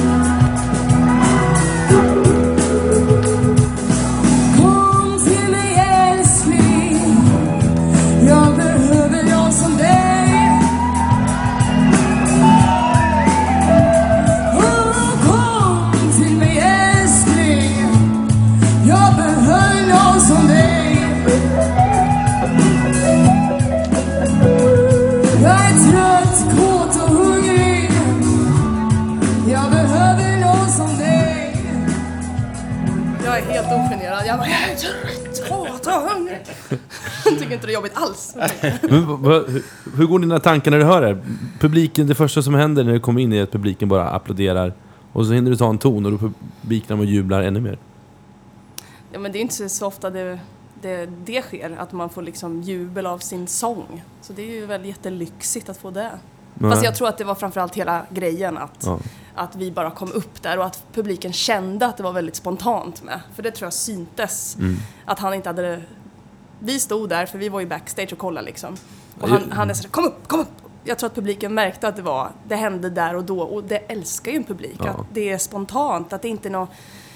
Att man inte arrat grejer utan att det bara sker. Jag tror det var det som gick hem. Ja. Nej, jag, jag, det är ju bland det största som har hänt mig. Det är ju mäktigaste. Det var kul. Ja, det, var, det var speciellt. Jag ville bara se vad, vad du, om du kommer ihåg det. Ja, och som sagt, du gick ju också upp där sen. Ja, ja spelade, precis. och du fick också jubel och applåder. Ja. Men det är, nu intervju, intervjuar vi dig. Ja, Vad härligt hörni. Eh, hur kommer det sig att du fick vara med, eh, Sveriges bidrag till European Blues Challenge då, 2015? Och vad är det för något för, för de som inte känner till? det European Blues Challenge är bluesens melodifestival, skulle man kunna säga. Det är en tävling Mhm. eh, med alla europeiska länder och så kan man vinna den och om man vinner den så får man eh, representera Europa i USA. Just det, är väl, det är väl liksom bara ett På- land i Europa Ja, som får representera. just det. Som åker till Memphis va? Ja, BM, är det på BMA? Nej, inte på det här Jo, BMAs? jag tror Jo, det. okej. I Memphis är det Ja, en just det. tävling. Mm. Och sen så får man ju massa festivaler runt om i Europa att spela på. Eh, vi vann ju inte där, men vi eh, fick ju representera Sverige i Bryssel. Var ju, Men ni vann ju den svenska uttagningen. Ja, men precis. för att Var- liksom var med. inte det Janne Rosenqvist-stipendiet? Jo, det var det. Det var ju det Janne Rosenqvist-stipendiet som man kunde rösta vem som skulle få. Du slog både Bill Örström och eh, Louise Hofsten vill jag minnas. Nej, Stefan Dafgård och Bill Örström var det som Ja. var nominerade. Tyvärr så delas inte det ut längre. Nej, det ändrades ju till att det blev en musiktävling, att band fick tävla om den här, Mm. eh, att, att representera Sverige istället. Vilket är lite synd, för det är ju fint att det finns sådana typer av pris liksom. Ja. Faktiskt. Så det var, det var så vi fick åka till Bryssel och, och representera Sverige. Och det var ju jättekul, jättehäftigt. Och vi, det är en sån här grej jag kommer ihåg, att, för det var 2015 va? ja. Att man hade lite självförtroende. Man tänkte så här, men vi är bra, det här kan gå bra liksom. Mm. Och så kom man dit och bara, vi, har, vi kommer ta en chans. Det är så Jaha. många bra band. Alltså det var, det var, så, det var så häftigt. Mm. Att det fanns så mycket band i hela Europa som var verksamma och yngre, äldre och blandade stilar. Jag åkte dit med självförtroende och sen när tävlingen började bara, nej. För jag kommer ihåg det när det var uttagning där på slutet, andra kvällen när de skulle ropa upp vinnarna och tredje pris och andra pris. Vi hade ju druckit vin och öl och vi var ju lite mm, fulla. Lite. Ja, Jag, var- jag var den enda, jag var helt... Jag var helt vi jag, var- dansade, jag dansade med massa medlemmar i andra band och vi hade skitkul och du var så arg på mig. Du sa nu, vi kan vinna, nu skärper dig! jag var liksom helt naiv till det. Och jag bara såhär, vi kommer inte vinna. Ja, Ja, helt, underbar- helt, underbar. Bruno stod med någon öl så här, och du och vinglade lite fram och tillbaka. Jag var så här, det här går inte. Och Matte var inte ens där för han hade flugit till Tyskland och spelat med Sienna Root Ja. istället. Och det var så här, jag vet inte. Ni tog ut förlusten i förskott Ja, vi gjorde säga. det lite. Mm. Eller jag i alla fall, du gjorde ju inte det Fredrik. Men, Nej, jag var Men kom helt- ni på pallplats då överhuvudtaget? nej. jag vet inte om vi kom. Eller vi kom inte Nej, på Det var pallplats. de här jävla spanjorerna som vann. Ja, nu kom de igen. Ja. Ja, jävla spanjorer. Och sen andra plats minns jag inte, men jag vet att tredje plats, det var han norrmannen. Eh, tjocka, JT. Ja, JT Laursen. Stora snubben. Ja, mm. Tjock, Ja. stor. vet jag mycket väl vem det är. Ja. Eh, ja, men vad trevligt då. Ja. Ja. Ja. Eh, Ska vi hoppa fram ett år nu? ja, vi gör det. Vi hoppar fram till 2016. För då släppte, släppte vi andra plattan med Lisa Listan Family Band. Den som heter Give You Everything, där också Torbjörn Rishager, det fortsatte ju, fortsatte ju samarbetet. Och Mm. du var med. Och, och han gästade på en låt. Eh, Kan du berätta något om, om den skivan? Hmm, vi ville väl försöka göra någonting lite mer rockigt. Vi hade lyssnat på Rival Sons typ, känns det Mm. som. Vilket jag typ idag kan känna... Jag vet inte att... Jag tycker väldigt mycket om den skivan och låtarna. Jag tycker att den blev jättebra. Vi var ju i Töreboda och vi hade Sven Lindvall som tekniker. Det var liksom första gången. Och Sören Boygard från Rishagebandet mixade plattan. Eh, och jag, tycker, alltså jag tycker om låtarna och så, men jag kan tycka att den är lite... Vi hade mycket idéer om vad vi ville att det skulle bli. Att vi ville att den skulle bli rockig, men samtidigt, vi är ju, vi var ju bluesiga då fortfarande. Vi, vi krock, världarna krockade en aning. Mm. Så att, eh, jag vet inte. Ja, Den är, den är bra, men den är lite, kan vara lite undset naiv kanske. den är spretig, spretig. Ja, lite. Ja. En aning tycker jag. Men kändes det stort att få komma? För det känns ändå som, eh, jag menar Per Engqvist och eh, Real Time Studio i, all ära, men det kändes som att man fick... Real music om jag får be. Att man, men det kändes som att man fick göra det, det kändes lite mer på riktigt. Och åka ner till Strawberry. Man åkte iväg och spelade in i, det var liksom, det var Sven Lindvall och det var, det var liksom massa gitarrer och det luktade avfuktare och istället för gammal källarmögel. Trodde du det- skulle säga avföring. Ja men det kändes, det kändes så himla stort på något sätt. Jag vet inte, det kanske Ja. bara var jag som kände det. Men, Jo, jag håller med. Fast jag tyckte det kändes stort första skivan med. Bara för Ja. att man aldrig typ hade varit i en Ja, studio det- så jo. var det jättestort. Så det var häftigt på olika sätt. Ja. Men att få jobba med Sven Lindvall var ju häftigt. Ja. Och han är ju en helt underbar person. Så det var ju, det var ju bara, det kändes som ett kollo i Ja. en vecka med honom. Där. Man bara ställde frågor och, var, och så drack vi öl ur, ur kylen. Till självkostnadspris. Eh, Men jag kommer ihåg, kommer ihåg hur vi träffade Sven när vi var uppe i, eh, vi var uppe i, i Plackasand. Ja. Och han spelade med Roffe. Ja. Han hade precis, hade precis badat i älven. Har du varit och spelat på Plackasand? Nej, jag har faktiskt inte det. Nej. Eh, Men eh, ja, jag vet mycket stories och många band och kompisar som har varit där. Tråkigt. Men det är för det är en fantastisk festival. Mm. Ja, jag har förstått Eh, det. Men då kan man... Mycket mygg, eller? Ja, mycket mygg. Men då var han vet att han hade badat precis innan han gick upp på scenen. Stod i badshorts och t-shirt och spelade. Nej, men han är ju så bohemisk. ja. Och sen så när jag vart stressad över att klockan drog iväg, för det var ju en, det är en för lång story att prata om, men det- klockan drog iväg för att den var framskjuten. Då sa Sven till mig, stäng av klockan. Nu lever vi. Typiskt Åh, han känns det som. Ja, det var fint. Eh, Men vi gjorde som sagt något form, det känns som att vi gjorde någon slags, med, där blev någon slags genrebyte också. Från traditionell blues till att spela lite mer rockblues, och egenskriven då. Ja, sen tycker jag inte vi, vi spelar traditionell blues på första skivan heller. Nej. Men det var ju ett steg åt det mer rockiga hållet, ja. Och det känns som att vi, att, att vi och du var, vi var ganska orädda för vad publik skulle tycka. Ja. Eller, eller hur minns du, hur minns du det? Det känns som vi bara, vi så naivt bara körde på utan ens att tänka. Du kanske inte festivalerna ville ha oss eller sådär. Det tänkte vi nog inte på så mycket, nej. Det tänker jag mer på idag. Idag Ja. är jag alltid orolig för att det inte ska komma folk, att de inte ska tycka det är bra. Eh, blivit det. Ja. Med åldern, tänkte jag säga. Men eh, nu är jag mycket mer så nervös inför spelningar. Ja. ja men jag förstår det. Jag, kan, jag känner inte riktigt... Jo, det gör jag ibland. Ja. Men jag tänker vi ska lyssna ett medley från den här skivan. Från Give You Everything. Try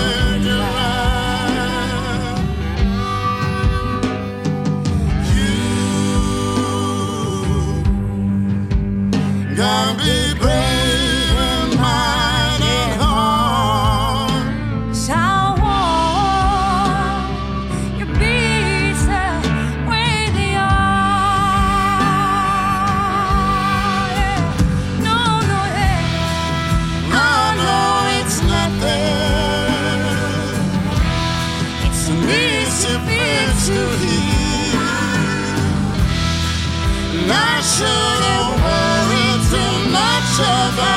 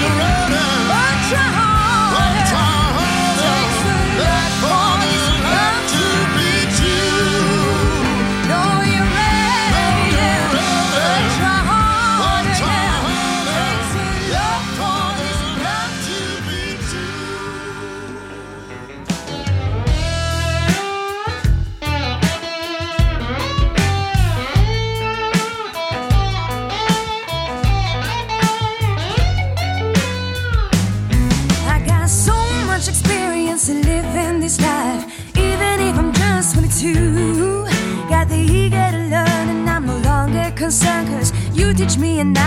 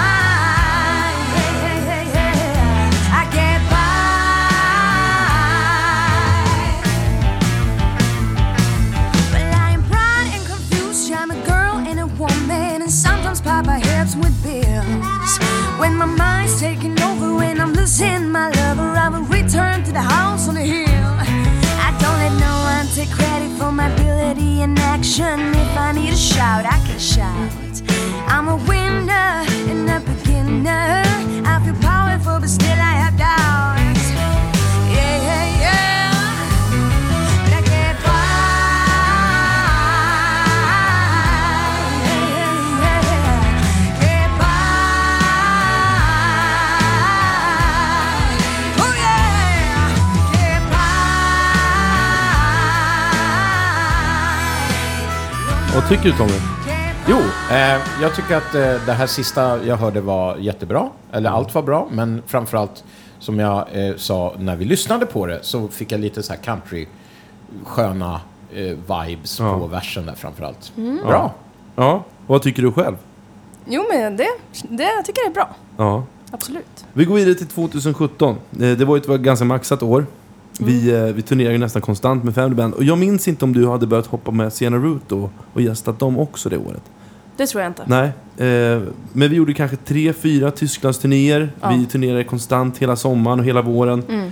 Eh, och en turné vi gjorde körde vi Kalmar Saarbrücken, vilket motsvarar 14 timmar effektivt.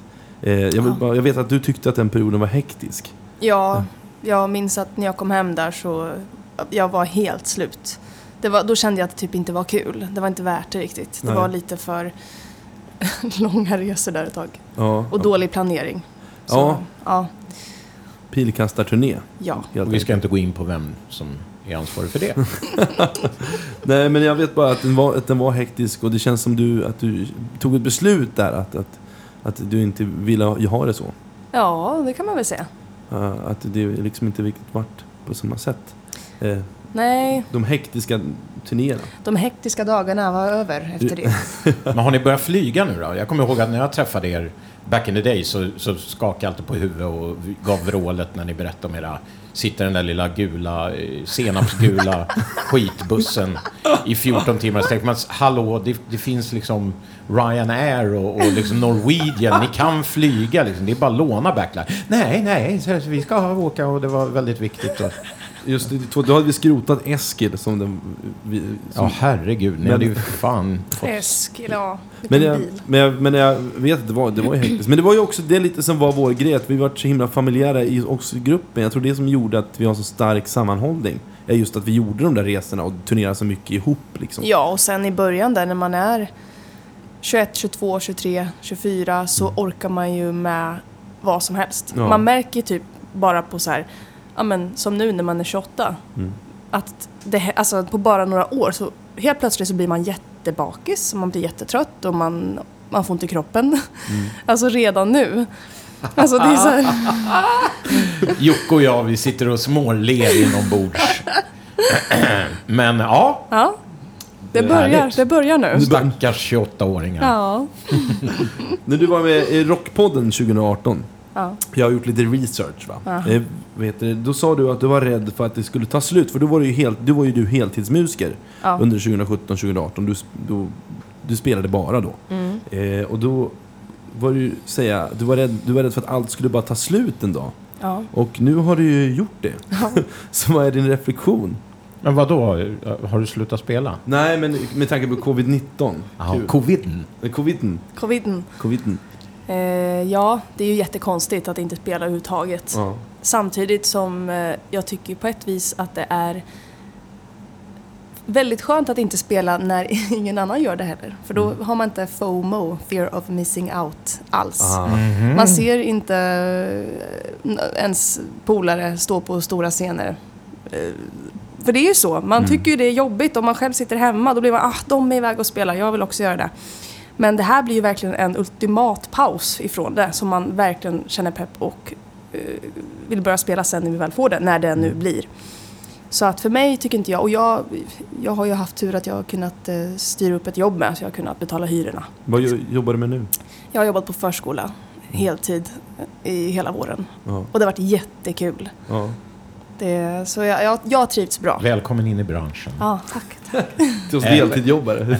Ja, jo, jag har kört ungar sedan jag var 18. Men, eh, vad är ditt första, eller vad är ditt nästa icke inställda gig så att säga? Som du vet att du har. Vad är det första liksom? Som du hoppas på? Man kan ju inte, har ju ingen garanti att det kommer bli av, men... Eller sköter din manager det?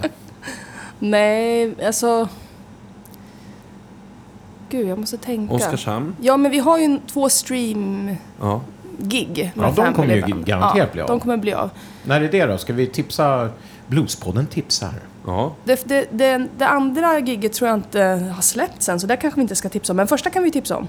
Det är ju, vi ska åka till Oskarshamn och göra Ja. en livestream. 11... 11, 11 juli. Ja, Mm. Precis. Ja, det är ju rätt snart. Så, så har vi gig, Norge-gig i september, men vi lär ju inte vara välkomna in i Norge, vi svenskar på det länge. vet man inte. Ja, de är lite bittra där borta. Ja. Vi får se när de åker på sin andra omgång. Nej, men sen så finns det ju en del festivalgig som förhoppningsvis nu då flyttas till nästa sommar. Ja. Som man får se fram emot. Ja. Det, här- det ja, här, där ser man. jag tänker att det här kommer direkt leda in oss på vår spaning, så jag tänker att vi kör en bumper nu. Om inte du har någonting mer att tillägga? Nej, Nej. det känns fint.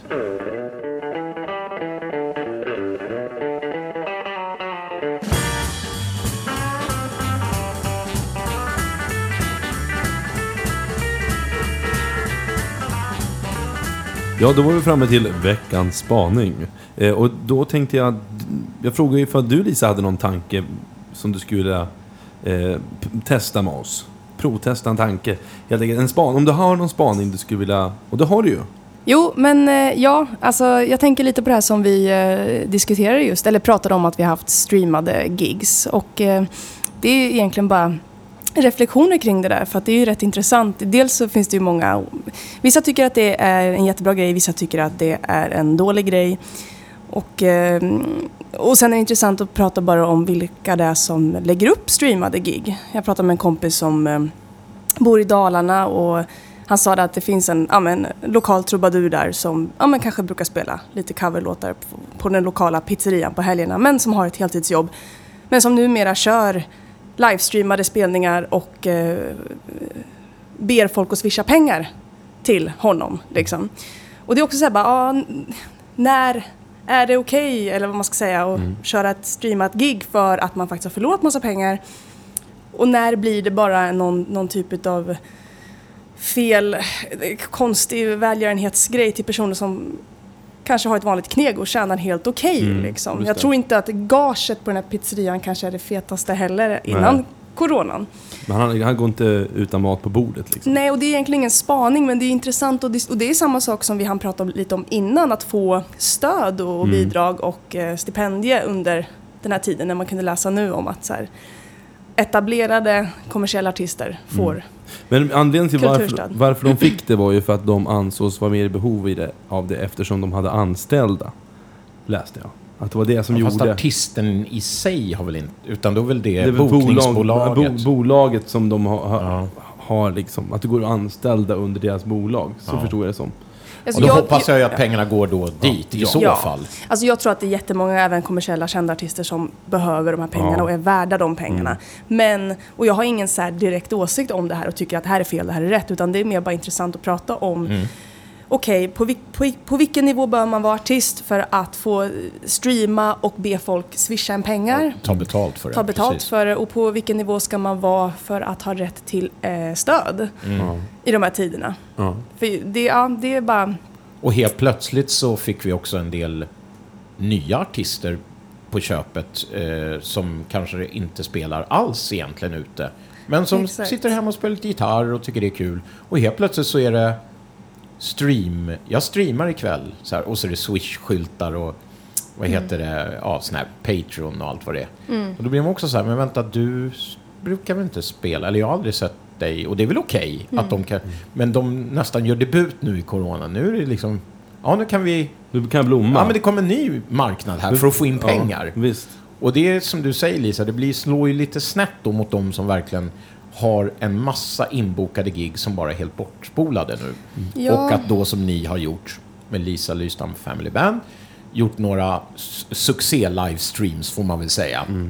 Där ni har fått stöd så att säga. Men det, det kan man ju tycka är en självklarhet på något sätt. Medan vissa är så här, men jaha, vad gör du det här för? Modell han då, pizzeria, gubben som har heltidslön. Ja, men vem, Och, och jag tycker så här, fine. Alla ska få göra streamingkonserter, Ja. såklart. Kör, liksom. Även om du spelar ukulele liksom, eh, hemma själv. Och Tiny du, Tim-upplägg. Ja, men då, man behöver ju inte ha Swish-tiggeriet där då. Nej, alltså det är, det är bara så intressant hur olika man är, hur man ser på det. Det var ju som när vi gjorde våran grej, den här första, Mm. där, vi, där vi sa så att om ni vill och känner för och kan så får ni swisha ett inträde, ett, Mm. ett valfritt inträde för den här konserten. Och sen har vi ju fått förfrågningar om andra att, att streama eh, gig från andra ställen och sådär. Och så har vi ju sagt att ja, vi väntar lite. Vi körde ju på Stadsteatern också för det, och det var faktiskt en spelning som vi skulle gjort. Men som istället blev en livestream. Så att eh, vi kunde ju ändå göra gigget och få vårat gage. Men Ja. att det blev en livestream istället. Så det, det var ju bara att tacka ja till. Det var vi jätteglada för. Men sen har vi fått lite andra förfrågningar så här att ah, men ni kan komma hit och sen så är det bara swisha, folk får swisha liksom. Och då har vi sagt att det vill vi vänta lite med för att det blir också, det känns, för oss kändes det lite Ja. konstigt att, att jag vet inte, man vill, man vill inte riktigt eh, be folk att Nej. bara skänk pengar till oss, även fast vi behöver ju det. Vi har ju Ja. Mm. förlorat jättemycket pengar den här våren. Men, Och vi har ju eh, också haft en Swish-kampanj här i podden Men faktiskt. två, två avsnitt har vi haft. Ja, och, eh, men den står alltid öppen den Ja. det vet ni. Mm. Nej men, eh, så att det, ja. Nej, men Nej, jag, men det är en bra spaning. Jag tycker det är en bra spaning. För Jag- att det är väl ett jävla fenomen det här. Streamingfenomen. jag kan tycka att, att vad många människor... För jag, jag tror jag har sett någon som sitter och typ bara durar, undrar om det är den personen. Eh, och ibland kan jag undra, men är det här verkligen underhållande att se någon som slänger upp sin telefon och så sitts det utan någon professionell ljudutrustning eller bildutrustning och så ska det sitta och streamas och spelas. Det låter ju liksom ganska halvkackigt ibland. Men om man ska göra en stream då får man väl göra det ordentligt med ordentlig ljud och bild. Alla fall så att det låter bra och ser vettigt ut. Vilket jag tycker vi gjorde på vår första. När vi tog med oss, fan Patrik tog med sig en mixer och vi kopplade in mickar för att det skulle låta bra. Ja. Jag kan bli lite så men kom igen, sitt inte bara här och spela och swish och lägga upp ett swish-nummer. Gör något Eh, vettigt Sen istället. har ju kanske inte alla då eh, resurserna för Nej. en... eh, För det har vi också pratat om här i podden, att det var någon som, en, en känd profil här i Stockholm, blues-kille, som gick ut till ett hårt angrepp mot streamar från vardagsrum och så vidare. Att han tyckte ju liksom att det var bara att lägga ner ungefär. Och det, Det måste väl finnas någon liksom mellangrej där kan jag tycka. Jo, men jag tänker de som lägger upp det var- Jag menar, det finns ju de som lägger upp varje dag. Mm, ja, ja. Jo, nej. Men Så det, Sen nej, det ska ju låta, det, det är ju grejen, det ska ju låta och se hyfsat ut liksom. Den bästa som jag tycker ska få cred, det är Ingmar Dunker, den gamla trummisen, lägger upp nu och kör livestreams. Han ber, swisha en 20, idag behöver jag köpa... nya- diskborste. Ja, en diskborste. Så swisha en 20 så berätt, sjunger en sång och berättar en historia. Och så drar han några dåliga skämt. Ja. Och sjunger en... Vilket är Det är en skitroligt. dag, daglig livestream man ser fram emot. Ja, lite så. Jag tycker det är jag, ty- jag, jag tycker liksom inte att det heller finns något så här rätt och fel Nej. i hela den här frågan. Det är bara mer så här intressant att se hur det utvecklas Mm. och också hur, hur man själv kanske gör och inte skulle göra och hur Mm. andra tänker och gör. Liksom. Får man fråga hur ni tänker och gör? Har ni en strategi här i Fummelybund? Nej, men vi, Den står inte jag för så. nej, men vi gjorde ju den här live, första livestreamen ifrån vardagsrummet Ja. och då körde vi på Swish när vi började ana hur förödande den här våren skulle bli. Ja. Eh, och det var ju jätte, jättebra. Och vi har ju helt fantastiska fans som är våra vänner, känns det ju som allihopa nästan. För man känner ju så många av dem nu. Så att de, de tyckte ju att det var jättekul. Och jag tror att de uppskattade att vi satt och snackade lite och vi pratade och, och det blev en sån grej liksom. Men eh, jag, jag personligen känner nog att eh, absolut man kan göra några sådana till kanske om det här håller på länge. Men man, man vill stå på en scen och man vill att folk ska kunna köpa en fysisk biljett och uppleva en livekonsert. Alltså det är inte samma sak. Så. Sen så tycker jag att det finns eh, fantastiska initiativ som har eh, startat i och med coronan och med streaming. Alltså jag, jag, jag såg, nu kommer jag inte ihåg vad den skådespelerskan heter, men hon spelar huvudrollen i Fucking Åmål. Ehm, och hon läste hela manuset, Fucking Åmål, högt på sin Instagram. Så man fick liksom följa med henne när hon läste hela filmen. Under, ja men hon streamade det. Det tyckte jag var en jättehäftig grej. Coolt. Så det kommer ju upp många roliga initiativ Idéer, också. ja. Men sen är det just det här intressanta, okej vem är, vem, vilken, vad ska man vara för typ av musiker för att vara, få vara värd ett stöd? Och hur mycket pengar ska man tigga? Mm. Alltså så, eh, när man kanske inte giggar så mycket och har inte blivit av med så mycket pengar kanske. Utan, för jag kände så att så här, men jag kanske inte behöver söka något stöd för jag, fick, jag hade jättetur och fick ett heltidsjobb. Så på ett vis så har ju jag haft det safe. Liksom. Mm. Då känns det lite bättre att de som helt står utan inkomst. Visst, det finns ju många av våra musikerkollegor som gör det. Ja, Eh, och det är svårt att jag- få ett jobb nu. Ja. Jag hade jag tur hoppas de som fick det. söker, för det är väl det också, att man får inte sitta här nu och gnälla och så får man in med sin ansökan. Sen Precis. får ju många avslag tyvärr. Ja. Ja men av så är olika det ju. skäl. Ja. Mm. Nej men det är bara intressant och jag som sagt, jag säger inte att något är rätt eller fel. Jag tycker det är bara lite intressant att diskutera de här frågorna. Jag tror jag är det den enda vid det här bordet som inte har gjort en livestream. Faktiskt. För vår producent har ju också gjort en bejublad utomhus. Jag, saknar, jag tror livestream. jättemånga skulle vilja se en trickbag. Eh, Ja, men det går väl inte Det går ju inte för att vi har medlemmar som Ja, vi inte det. kan få hit eller vi kan inte komma dit just, Just nu. Kan man få en Little Palooka vill då? Ja, en Little Palooka vill från eh, The Hornstull Sessions kanske. Ja. Det hade ju varit trevligt. Ja, det skulle vara kul. Ja. Eh, vi, ja. Man kan göra sådana där som vi gjorde också, men det blir inte lika roligt. Nej. Det blir inte live. Man sitter på varsitt håll och spelar in sin del och så gör man en video. Just Nej, det är, den är halvtråkig. Ska vi stänga den här spaningen? Ja, tack. Tack Lisa. Tack.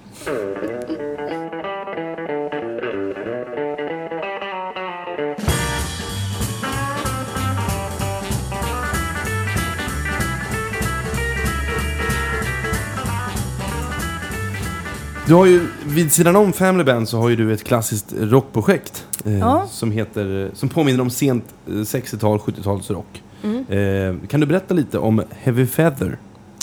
Heavy Feather. Ja, ja men eh, det består utav mig då, Matte Gustafsson som är med i Family Band, Mm. Ola Göransson på trummor, Morgan Korsmoe på bas som också har varit med i Family Band och spelat bas. Just det. Så att det är ju... Vi ville starta någonting eh, retro-rockigt, om man kan säga så. Med influenser ifrån eh, band som Cream och Free. Luftigt, eh, enkelt, eh, med... Jag vet inte, ett band där man inte behövde känna så mycket press utan mer bara vi gör en skiva vi tycker är bra så får vi se vad som händer. Mm. Eh, och det gjorde vi. Och eh, det håller vi på med. Vi Mm. har gjort några turnéer. Vi varit i Spanien och i Tyskland och några, några få gig i Sverige, även fast Sverige är väldigt svårt när det gäller rock. Just, jag, vill, jag vill stanna lite vid Spanien. Mm. Eh, därför jag vet att du gjorde en liknande, det var ju likt en, en mardrömsturné kan man inte säga, att det var, det var säkert jättekul, men det var ju, ni åkte dit i två dygn eh, och det var liksom, det är dåliga gage, det, det tog två dygn, dygn att åka dit och sen turnerade ni runt. Eh, Ja, typ tre tror jag vi åkte. det var liksom mycket resa eh, och du kändes helt jättetrött när du kom Ja, hem. ja. Tommy, du sa aldrig mer igen. Ja, det- ja men det har jag nog sagt. Så vad fan Men är det med Spanien? Det säger jag efter varje sån helg. Och sen, så, sen eh, går det fyra dagar så är jag på det igen. Nej, men ja. Nej, förlåt. Vad var frågan? Det var inte till mig Nej, det var bara allmänt om, om Spanien. Jag tyckte det var kul att ni båda har. Så vad fan är det för fel på spanjorerna? Ja, men det är lite pilkastarturné. Att du vet, det är liksom ner i Barcelona, upp dit och sen tillbaka igen. Men fan, vi var ju här igår. Kunde vi inte ha tagit då liksom... Vad hände med planeringen? Och dålig, dålig liten buss. eh, Jättevarmt, ingen AC. Och så vidare, Mm. och så vidare. Ja, men det är samma De bara, erfarenhet. vadå enkelrum? Det, det står att ni ska vara, ha tremannarum här. Du vet, man är 50 år och bara vill döda någon. Ja. Ja, ni fattar. Ja, var det likaså, likadant för, för dig? Jo, men något åt det hållet. Mm. Ja. Eh, sen är ju pub- publiken var ju helt fantastisk och vi var i Madrid och spelade på ett eh, så här klassiskt rockhak. Det var inte så mycket folk där, det var typ en tisdag. Men, eh, och vi var ju, vi hade ju precis släppt första skivan och sen när vi står på scen så ser vi att publiken sjunger med i låtarna. Då blir man så här, oj, det här är ju en, en seriös publik som har kollat upp sin, sina grejer liksom och verkligen är genuint intresserade utav bandet. Mm. Och det har jag ju inte upplevt i Sverige på samma sätt. Nej. Det är typ, i Tyskland är också lite så och Spanien det var verkligen så här hardcore fans från början. Även fast det var en liten skala, det var inte stora gig vi gjorde. Nej. Men sen så tänker man väl, alltså Spanien, då tänker man ja ah, men sol och bad och tapas och sen så är det typ vitt bröd. Ja, det är vitt bröd. Det är det man kan äta när man turnerar på det här viset med låg budget, inga pengar liksom. Ja. Eh, men det var en jättehäftig upplevelse som tog lite tid att eh, se tillbaka på med kärlek i och för sig. Mm, Det ja. var mest eh, hetsigt och stressigt där. Men eh, i, nu så tycker jag att det var jätteroligt. Såklart. Sen så håller jag med Tommy om att jag kanske inte, jag vet inte om jag skulle göra det på samma vis en gång till. Nej, men eh, ja, häftigt. Relaterat till det där med att publiken är superengagerad Mm. och är med på noterna. Mm. Man hamnar i någon, vi hamnade uppe i någon bergsby Mm. där vi var så här zeppelinarvägar upp och var så här, vad, vad är vi någonstans? Alltså är det här sant? Kan vi ens, har vi kommit rätt? Vi har Finns det åkt flera- el? Vi har åkt flera timmar fel. Liksom, så här. Men eh, oh, det var helt rätt. De bara la fram en helstekt gris på, på bordet. Kör oss till någon litet så här eh, skjul i utkanten av byn som är helt fullsmockad av helt galna människor som sjunger med och hoppar.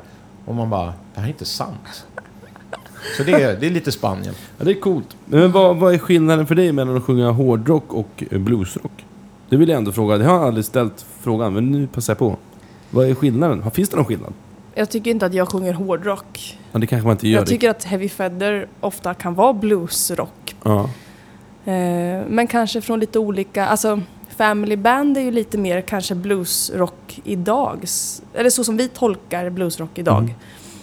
Medan Heavy Feather är mer bluesrock där vi försöker låta som ja, 60-70-tals Mm, banden. Mm. Eh, men jag tycker att det finns jättemycket gemensamt i banden Mm. också.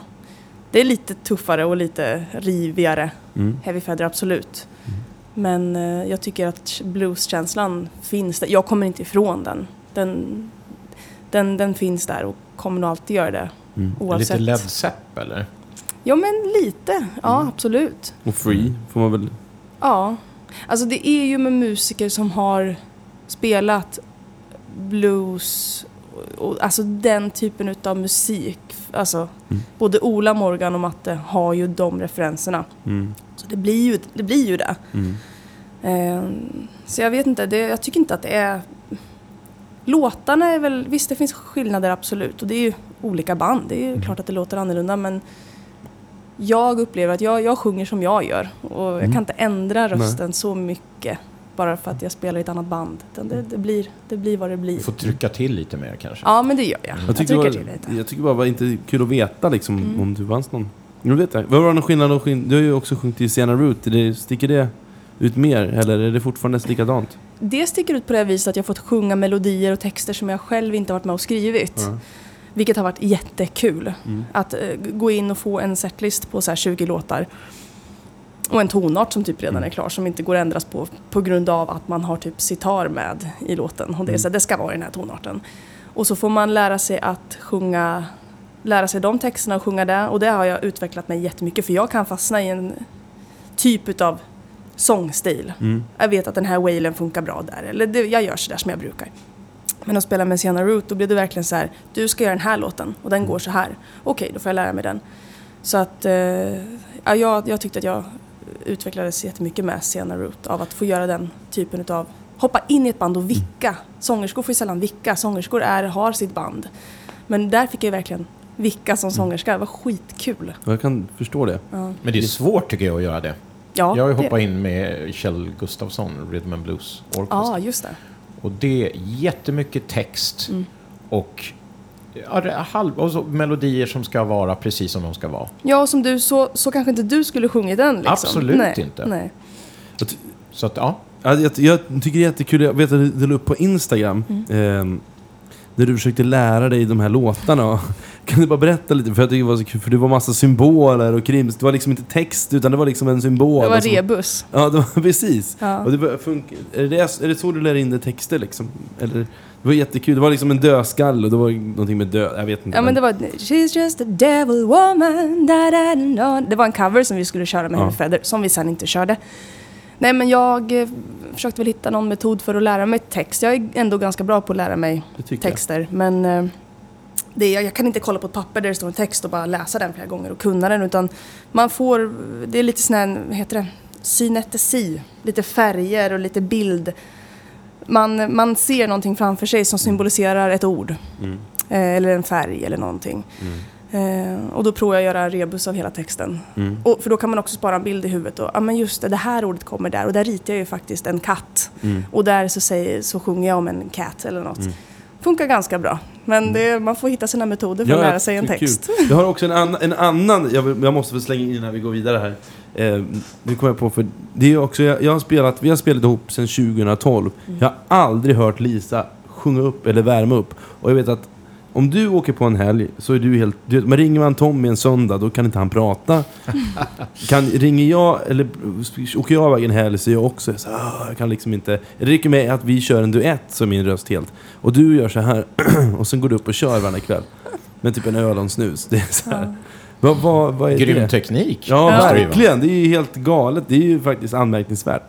Vill säga det. Jag är jätteimponerad. Och så har vi liksom andra som måste stå liksom och Men har du gått hos coach och lärt dig hela grejen med stödet? Och... Nej, jag tror att jag har haft tur att jag har en eh, stark, starka lungor. Mm. Och alltså så här, jag tror vissa, har, vissa kan ju hålla på med knep och bubbla i glas Mm. och grejer innan varje spelning och ändå ha problem med rösten. Mm. Jag tror bara att jag har haft tur att jag har en stark liksom Mm. barm eller något, jag vet inte. Ett starkt stöd. Ett starkt Men stöd. jag har tänkt på det mycket och jag försökte en gång börja lära mig att spela munspel för jag tänker Mm. att det borde verkligen ja, men stadga upp den andningen Mm, som man använder även om, när man sjunger. Stämmer det? Liksom att det du, känner du att du får mera tryck av att... Eller blir du hjälpt av att du också spelar munspel? Jag vet inte och jag tror inte att jag använder rätt teknik eh, i munspel. Alltså det är som när man pratar med nördarna liksom hur man ska, hur man ska eh, spela vissa drillar och, och sådär. Så märker jag att jag faktiskt inte har koll på läget utan jag spelar bara. Jag är för otålig, jag kan inte sitta och öva sådär utan man kör. Jag har gått upp många gig och spelat skitdåligt munspel men bara för att jag ska lära mig. Det är lättast att lära sig på scen. Eh, och när man hör sådana, man ser något gammalt klipp, klipp där man spelar munspel och man bara fy fan vad det låter, usch. Men det är ju så man har lärt sig. Man har stått på scen och bara nöt, nött. Och, eh, men eh, ja, jag tycker att jag tycker jag kan höra typ när jag spelar munspel att det är typ så som jag sjunger. Det är samma teknik någonstans. Både tonerna man, man spelar och hur man fraserar. Och det är lite så här, det lite, lite skitigt och inte rätt alla gånger. Men det blir ens egna stil Ja. på något vis bara. Jag, jag kommer aldrig bli någon virtuos och alltså, tekniskt skitgrym på det. Nej. Och det är samma sak med sång. Jag kommer liksom inte... Jag kommer aldrig bli någon så här... Jag vet inte, Whitney Houston-sångerska. Utan man, man, har, man har förstått nu att nu, det är så här man låter och så här kommer man låta. Och man får göra det bästa av det liksom. Mm. Ja, det har man surt fått eh, erfara. Ja. Haters gonna hate, man Ja, men det låter, hur man än gör till sin röst, Ja. vilket man inte ska göra, för det har jag hört många gånger att jag gör, gör, gör till mig liksom sådär. Jag bara, nej, sjung med din vanliga röst, sjung som du, liksom, som du pratar eller som du är. Ja, man är där man är. Ja. Ja. Det går inte att polera en skitkorv som jag. Eh, du, jag, vet du vad? Jag tänker att jag bryter av här.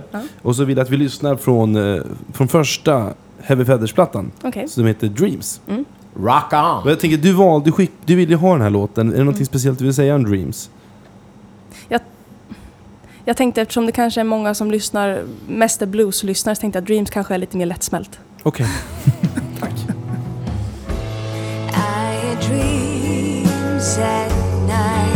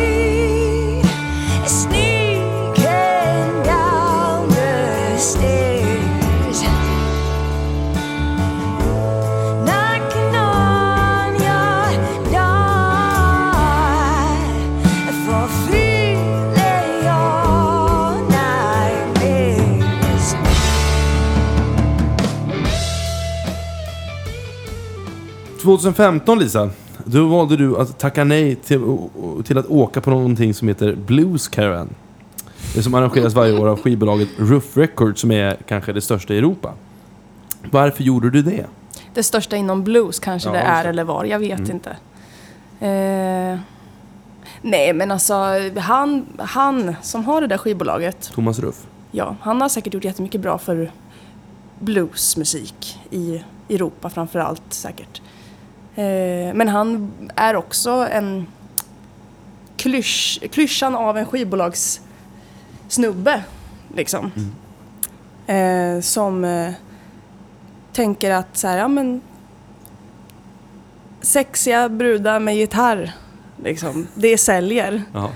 Eh, och det känns lite förlegat. ja. Och sen så tyckte han att jag inte skulle få spela med mitt band, med er. Utan jag skulle ha hans musiker, jag skulle åka till USA och spela in med hans musiker. Mm. Och då så sa jag, nej men det går inte, det vill jag inte göra. Och eh, då sa han, du, you will never get this opportunity again. Och så började jag så skriva grejer att så här, folk jobbar hårt, du kanske inte är van vid att jobba hårt och kämpa för det du vill. Det finns folk i branschen som gör allt för att få turnera och sådär. Men jag sa att nej men jag vill inte, jag vill spela med mitt band. Och han sa, han skrev så, du får, kommer aldrig få den här chansen. Sen året efter så frågade han om jag ville vara med igen. Det var också då Och när, så sa jag, får jag spela med mitt band? Han sa nej. Jag bara, nej tack. Jag tycker det är så himla hedrande. att du gjorde det. För det finns ju de som bara hade... Jag menar, det utmärker dig så himla mycket som person. Det är ju så himla fint att bara stå fast, stå, ha bara en stadig grund och säga nej, jag tänker inte göra det. Du kan dra åt helvete Packe. Ja, men sen det var ju liksom, jag vet att jag inte hade haft det så kul. Alltså jag är en sån här person som är i behovet av trygghet. Jag behöver, jag behöver få åka med människor jag trivs med och som jag känner och som vet hur jag är. Jag är inte sån att jag kan dra iväg och göra 100 gigs på ett år över hela Europa med människor jag inte, jag, som jag inte känner, som jag inte vet hur de funkar. Och stå och sjunga liksom eh, Chain of Fools varenda kväll. Alltså, det visste jag att jag inte ville. Nej. Även fast det var tråkigt att säga nej för att då hade ju inte jag spelat utomlands typ. Vi hade ju spelat lite i Skandinavien sådär. Men inte, vi hade ju inte varit i Tyskland så eller Nej. ehm, så att men det vet jag absolut var rätt beslut och jag är Ja. jätteglad för det. Jag tycker, det, jag tycker det säger så mycket om din persona. Den är så, nej, jag tycker det är så bra. Jag ville ha med det. Vad, vad ger vi Thomas Ruff? Och jag vill också, också måste också kolla när vi ändå pratar om Thomas Ruff här. Var det också han som gav dig erbjudande att spela på en munspelsskiva med enbart tjejer också? Ja, Ja. Ble- Blev svaret likadant eller? där var jag lite blyg och sa så bra munspel spelar jag inte att jag vill vara med och re- vara munspelare på en skiva. Och då... Ursäkta. Och det är bara Pepsi Max. Nej men, eh, jo, det, och det var ju fint att han frågade. Men jag kände att, jag tycker fortfarande än idag att det är svårt att spela, att spela in munspel på skiva. Jag gör ju det lite, men jag har mycket högre krav på mig själv som munspelerska än som sångerska fortfarande. Jag tycker att, jag vet inte, man hör så många bra munspelare, typ som Zetterberg, skitbra munspelare. Mm. Så jag får prestationsångest. Mm. Så är det. Ja. Ska jag ta det här vidare Fredrik? Nej, men jag tänkte bara kolla, vad, vad, vad tror du är nyckeln till framgång? För jag menar, du är ju ändå en- någon form av, eller vi, du, vi är ändå någon form av framgångssaga. Så vad tror du har varit nyckeln till ändå det som är, är vår framgång på något sätt? Jag vet inte.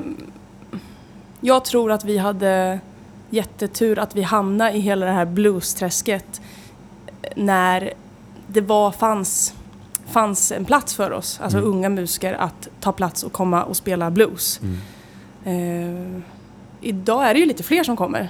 Så Ja, att men det, ni kan, var ju lite första vågen i Ja. föryngringsprocessen. liksom. det känns så lite. Där stod ju vi som hade hållit på ett tag och så behövdes det en, ett generationsskifte. eh, ja, men då, det, var, det är precis som du säger, det Ja. var ju verkligen... Och så blev det ju ni, Ida Bang, Mm. eh, Basement Tape lite grann, de kommer senare kanske. Ja, Among det- Lynx, Ja, Among Lynx. Det blev ju nå- liksom Mm. ett Felicia, gäng Shouting Red. som följde på er på något sätt. Så ni öppnade ju liksom... Jag tror ju att hade vi kommit idag med våran senaste platta till Blues-Sverige och festivalerna så hade inte det funkat på samma vis. För att vår musik har förändrats genom de här Mm. åren och våra fans har följt med och accepterat förändringen Mm. och tyckt att det här är häftigt att bara följa med på resan. Men hade vi kommit in i och börjat spela på eller försökt spela på bluesfestivaler idag med den skivan vi har nu Mm. tror jag att det hade varit mycket svårare. Men det är bra självinsikt. Mm. Av, av, eh, för precis så har jag tänkt. Mm. Och du och jag har ju haft, Fredrik, diskussioner om det där med Mm. vilken blues är det okej att spela i ett bluessammanhang? Det är ju liksom, den hade vi en lång harang om som jag Faktiskt den enda kritik jag har fått utanför podden, alltså när jag live har träffat någon, så har det varit om det resonemanget jag förde då om att, att jag har lite svårt att se Nej, men, nu, ja, vad ska jag dra för exempel? Nej, men ett hårdrocksband, renodlat hårdrocksband. På Snoop en Dogg blu- på Ja, på en bluesfestival. Och, och då drog jag upp exemplet Snoop Dogg då, som hade headlinat en festival i Kanada. Som var så här, Ottawa Blues Festival. Ja, ja. Och då blev jag till slut bara så här trött på urvattningen av begreppet blues. Och det kan man ju hålla på och det gjorde vi också. Ja. En uke om, så jag vet inte riktigt vad jag vill ta det. Men jag, jag kan fråga dig då bara, du behöver inte göra någon utläggning om det. Fast jag tror jag vet svaret redan. Vad, vad, vad tycker du liksom, gränsen går? Är det helt okej att spela nästan vad som helst på en bluesfestival? Hur hårt får det bli, så att säga? Får, får, får, eh, eh, får heavy weather Heavy Feather. Fett heavy weather. jag. Och jag dricker bara Pepsi Max.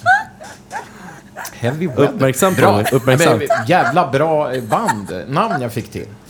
Nej, jag har faktiskt sett era videos och allting. Ja, ja. Så lite känner jag till.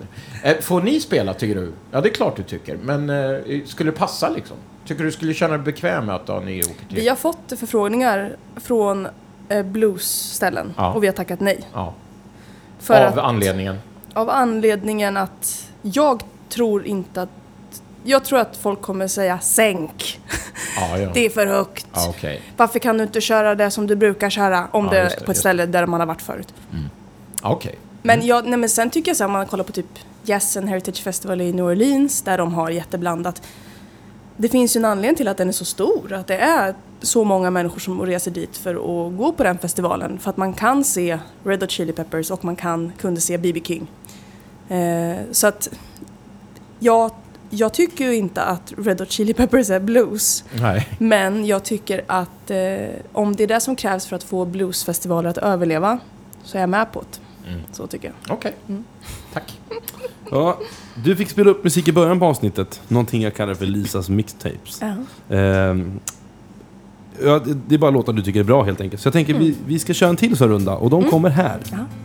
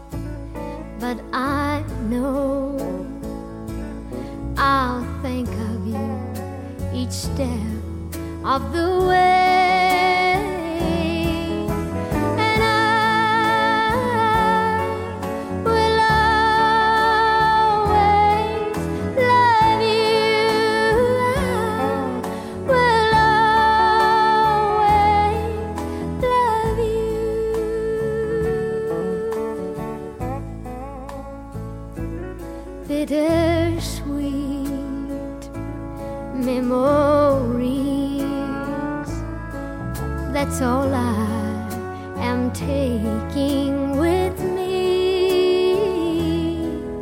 Goodbye. Please don't cry. We both know that I'm not what you need.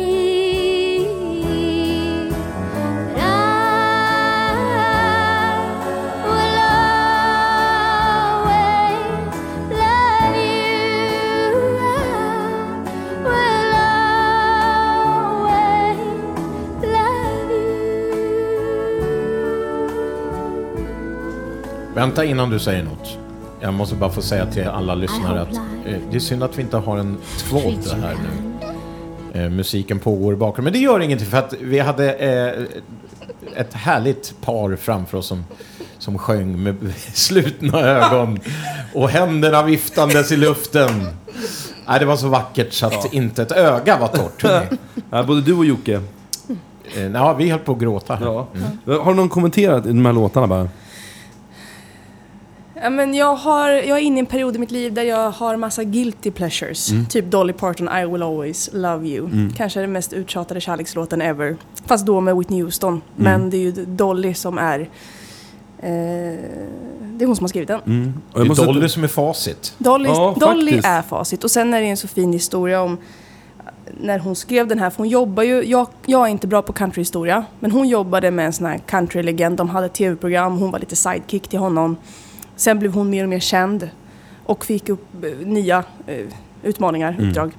Och vill då sluta jobba med den här mannen. Åh gud, jag kommer inte ihåg vad han heter, han är någon känd country-snubbe. Men hon säger då, ja men jag ska vidare på egna äventyr. Han blir jättearg, jätteledsen och tycker att du ska vara med mig, vi ska göra det här tv-programmet tillsammans, det har vi alltid gjort. Och han blir skitarg på henne.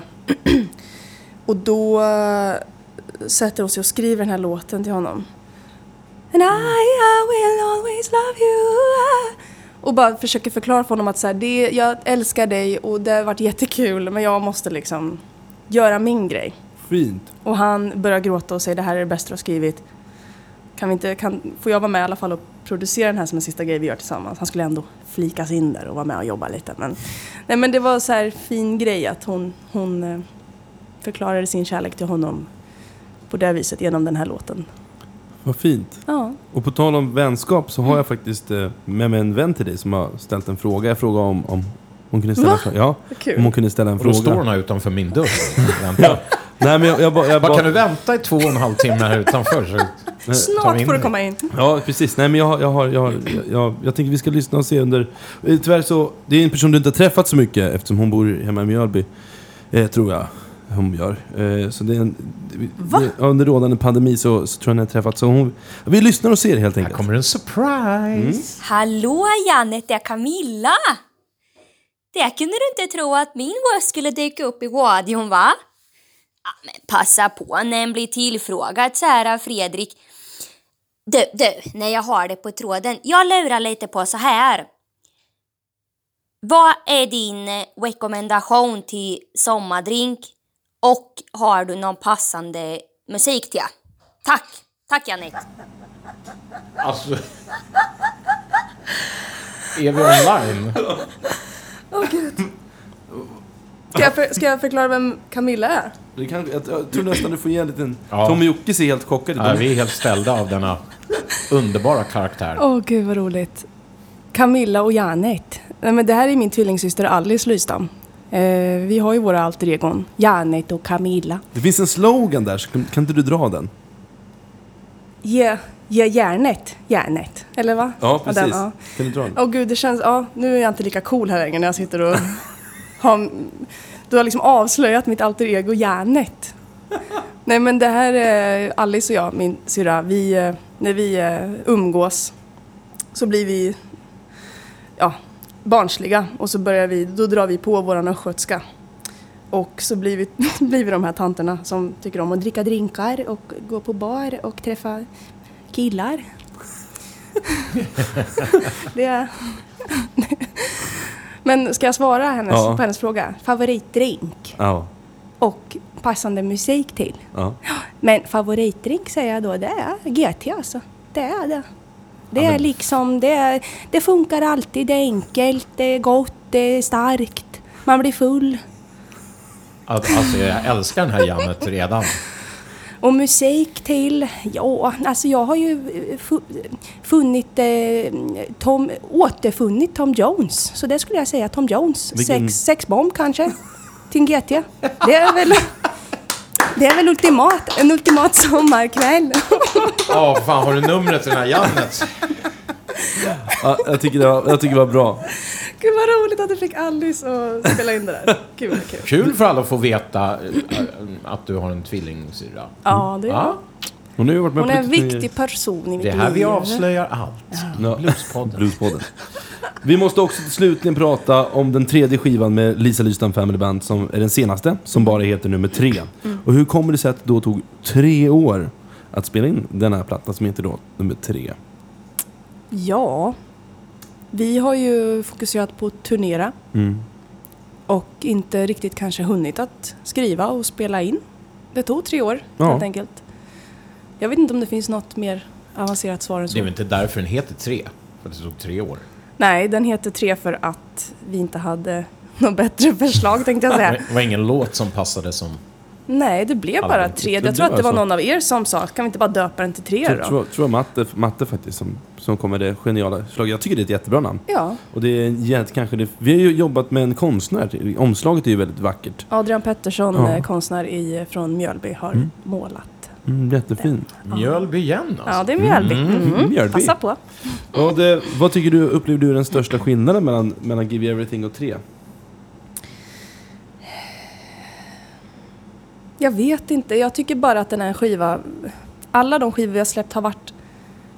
Har representerat den tiden på något vis. Mm. Och den här skivan representerar vart vi är idag. Mm.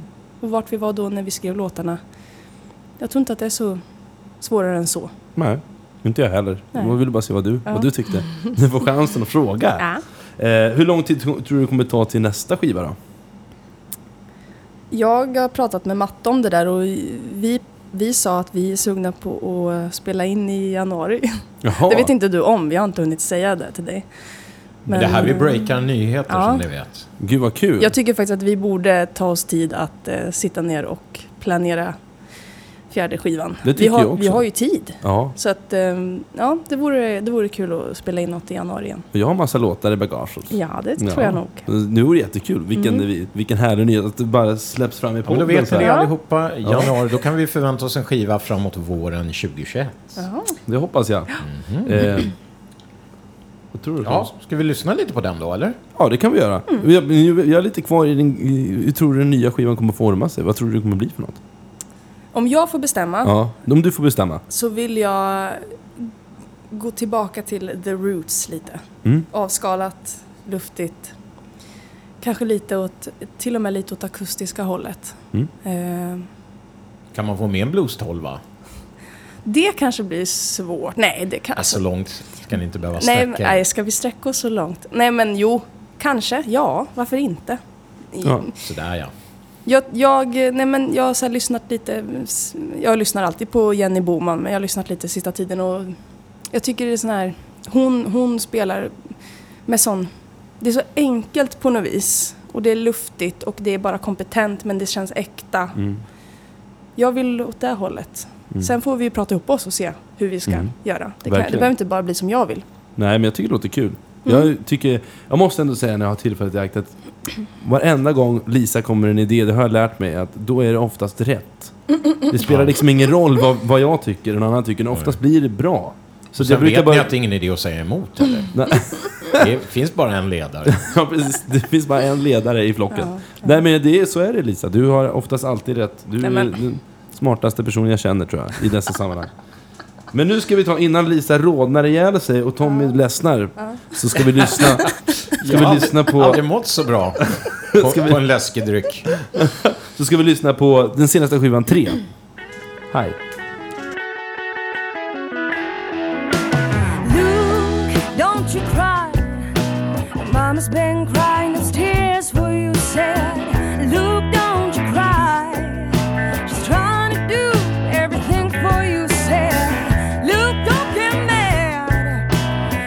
Can give,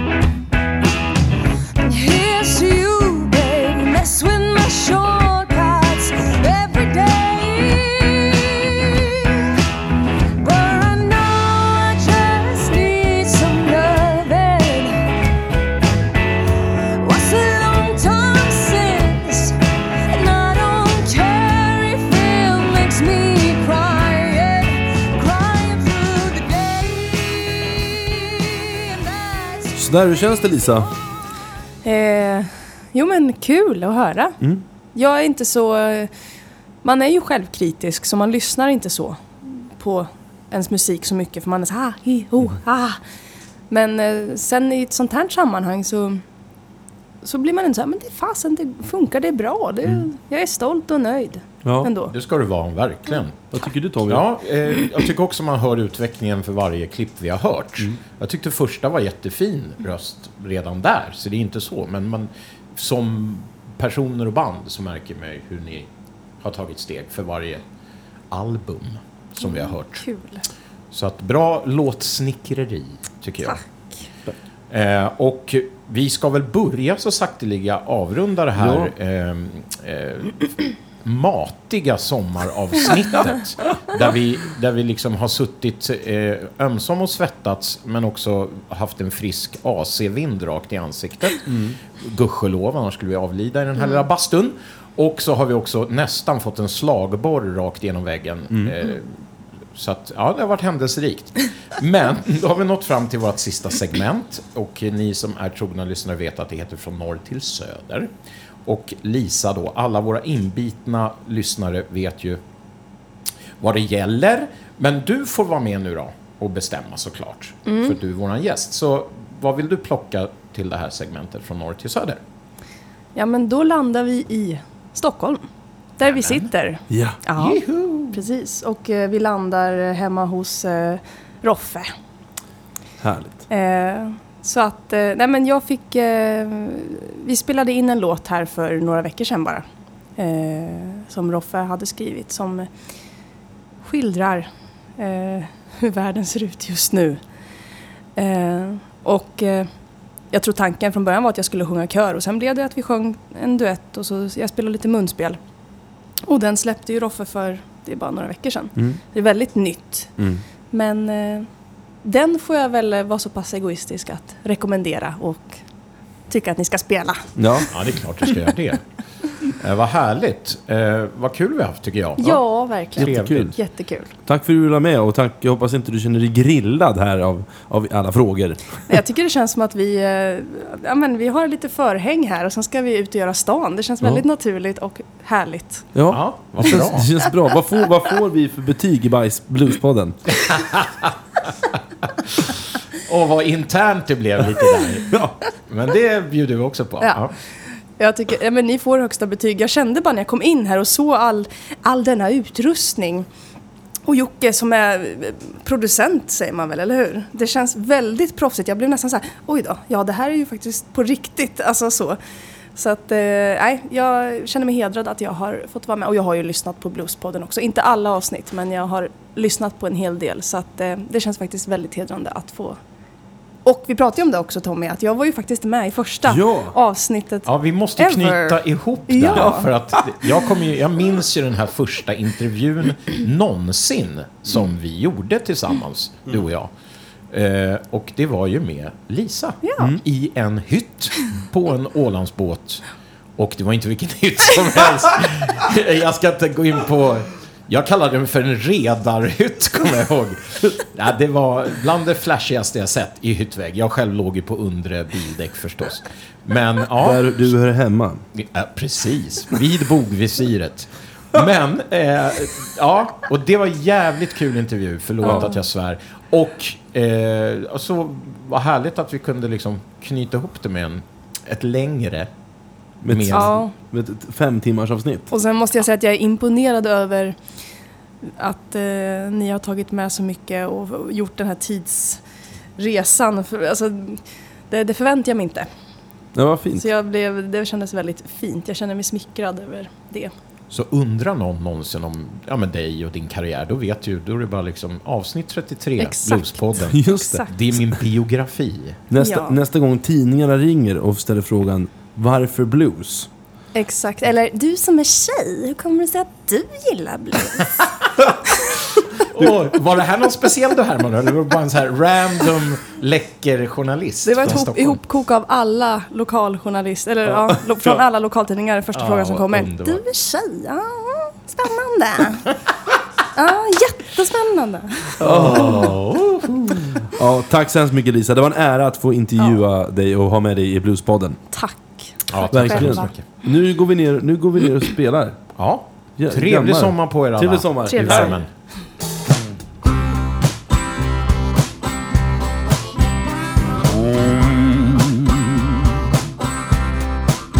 Det går en farsot över världen man inte sett på hundra år.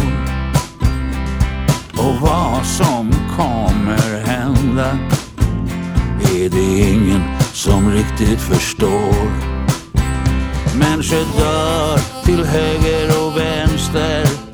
Man måste rädda sin nacke och hals. Hellre leva tråkigt liv än att inte leva alls. Man kan bara ta det lugnt. Man kan bara ta det lugnt. Smutta på sitt kaffe och luta sig tillbaka en stund. Alla giggen har ställts in nu och vi tjänar inte en spänn.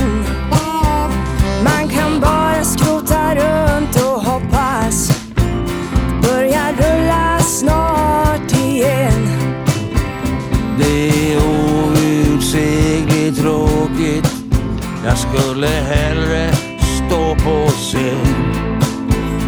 Och vi kan inte hoppas på få något stödpaket.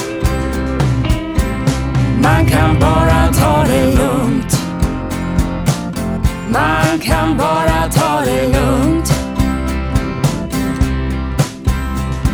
Smutta på sitt kaffe och luta sig tillbaka en stund. Man kan bara ta det lugnt. Man kan bara ta det lugnt. Mm, yeah. Smutta på sitt kaffe och luta sig tillbaka en stund.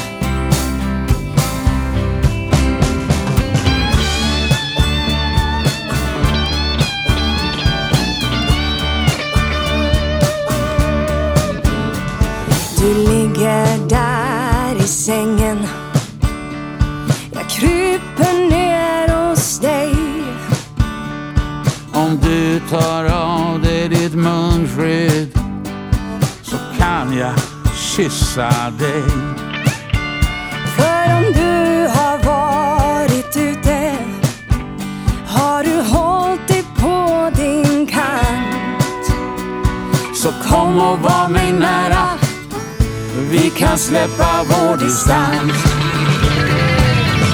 Man kan bara ta det lugnt. Mm. Man kan bara ta det lugnt. Smutta på sitt kaffe och luta sig tillbaka en stund.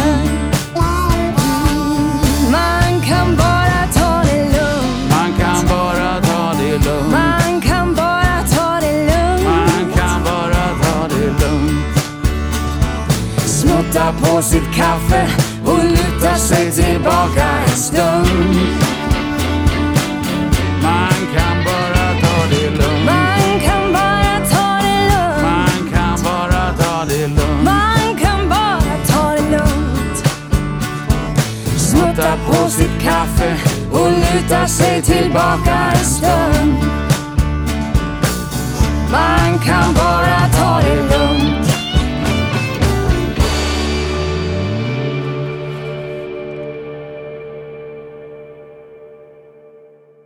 Finns det en lokal musiker, trubadur, med heltidsjobb som brukar ja, men kanske spela Cornelis-låtar på den lokala pizzerian på helgerna. Men kör numera... Oj. Jag kan ju säga att vi bryter här.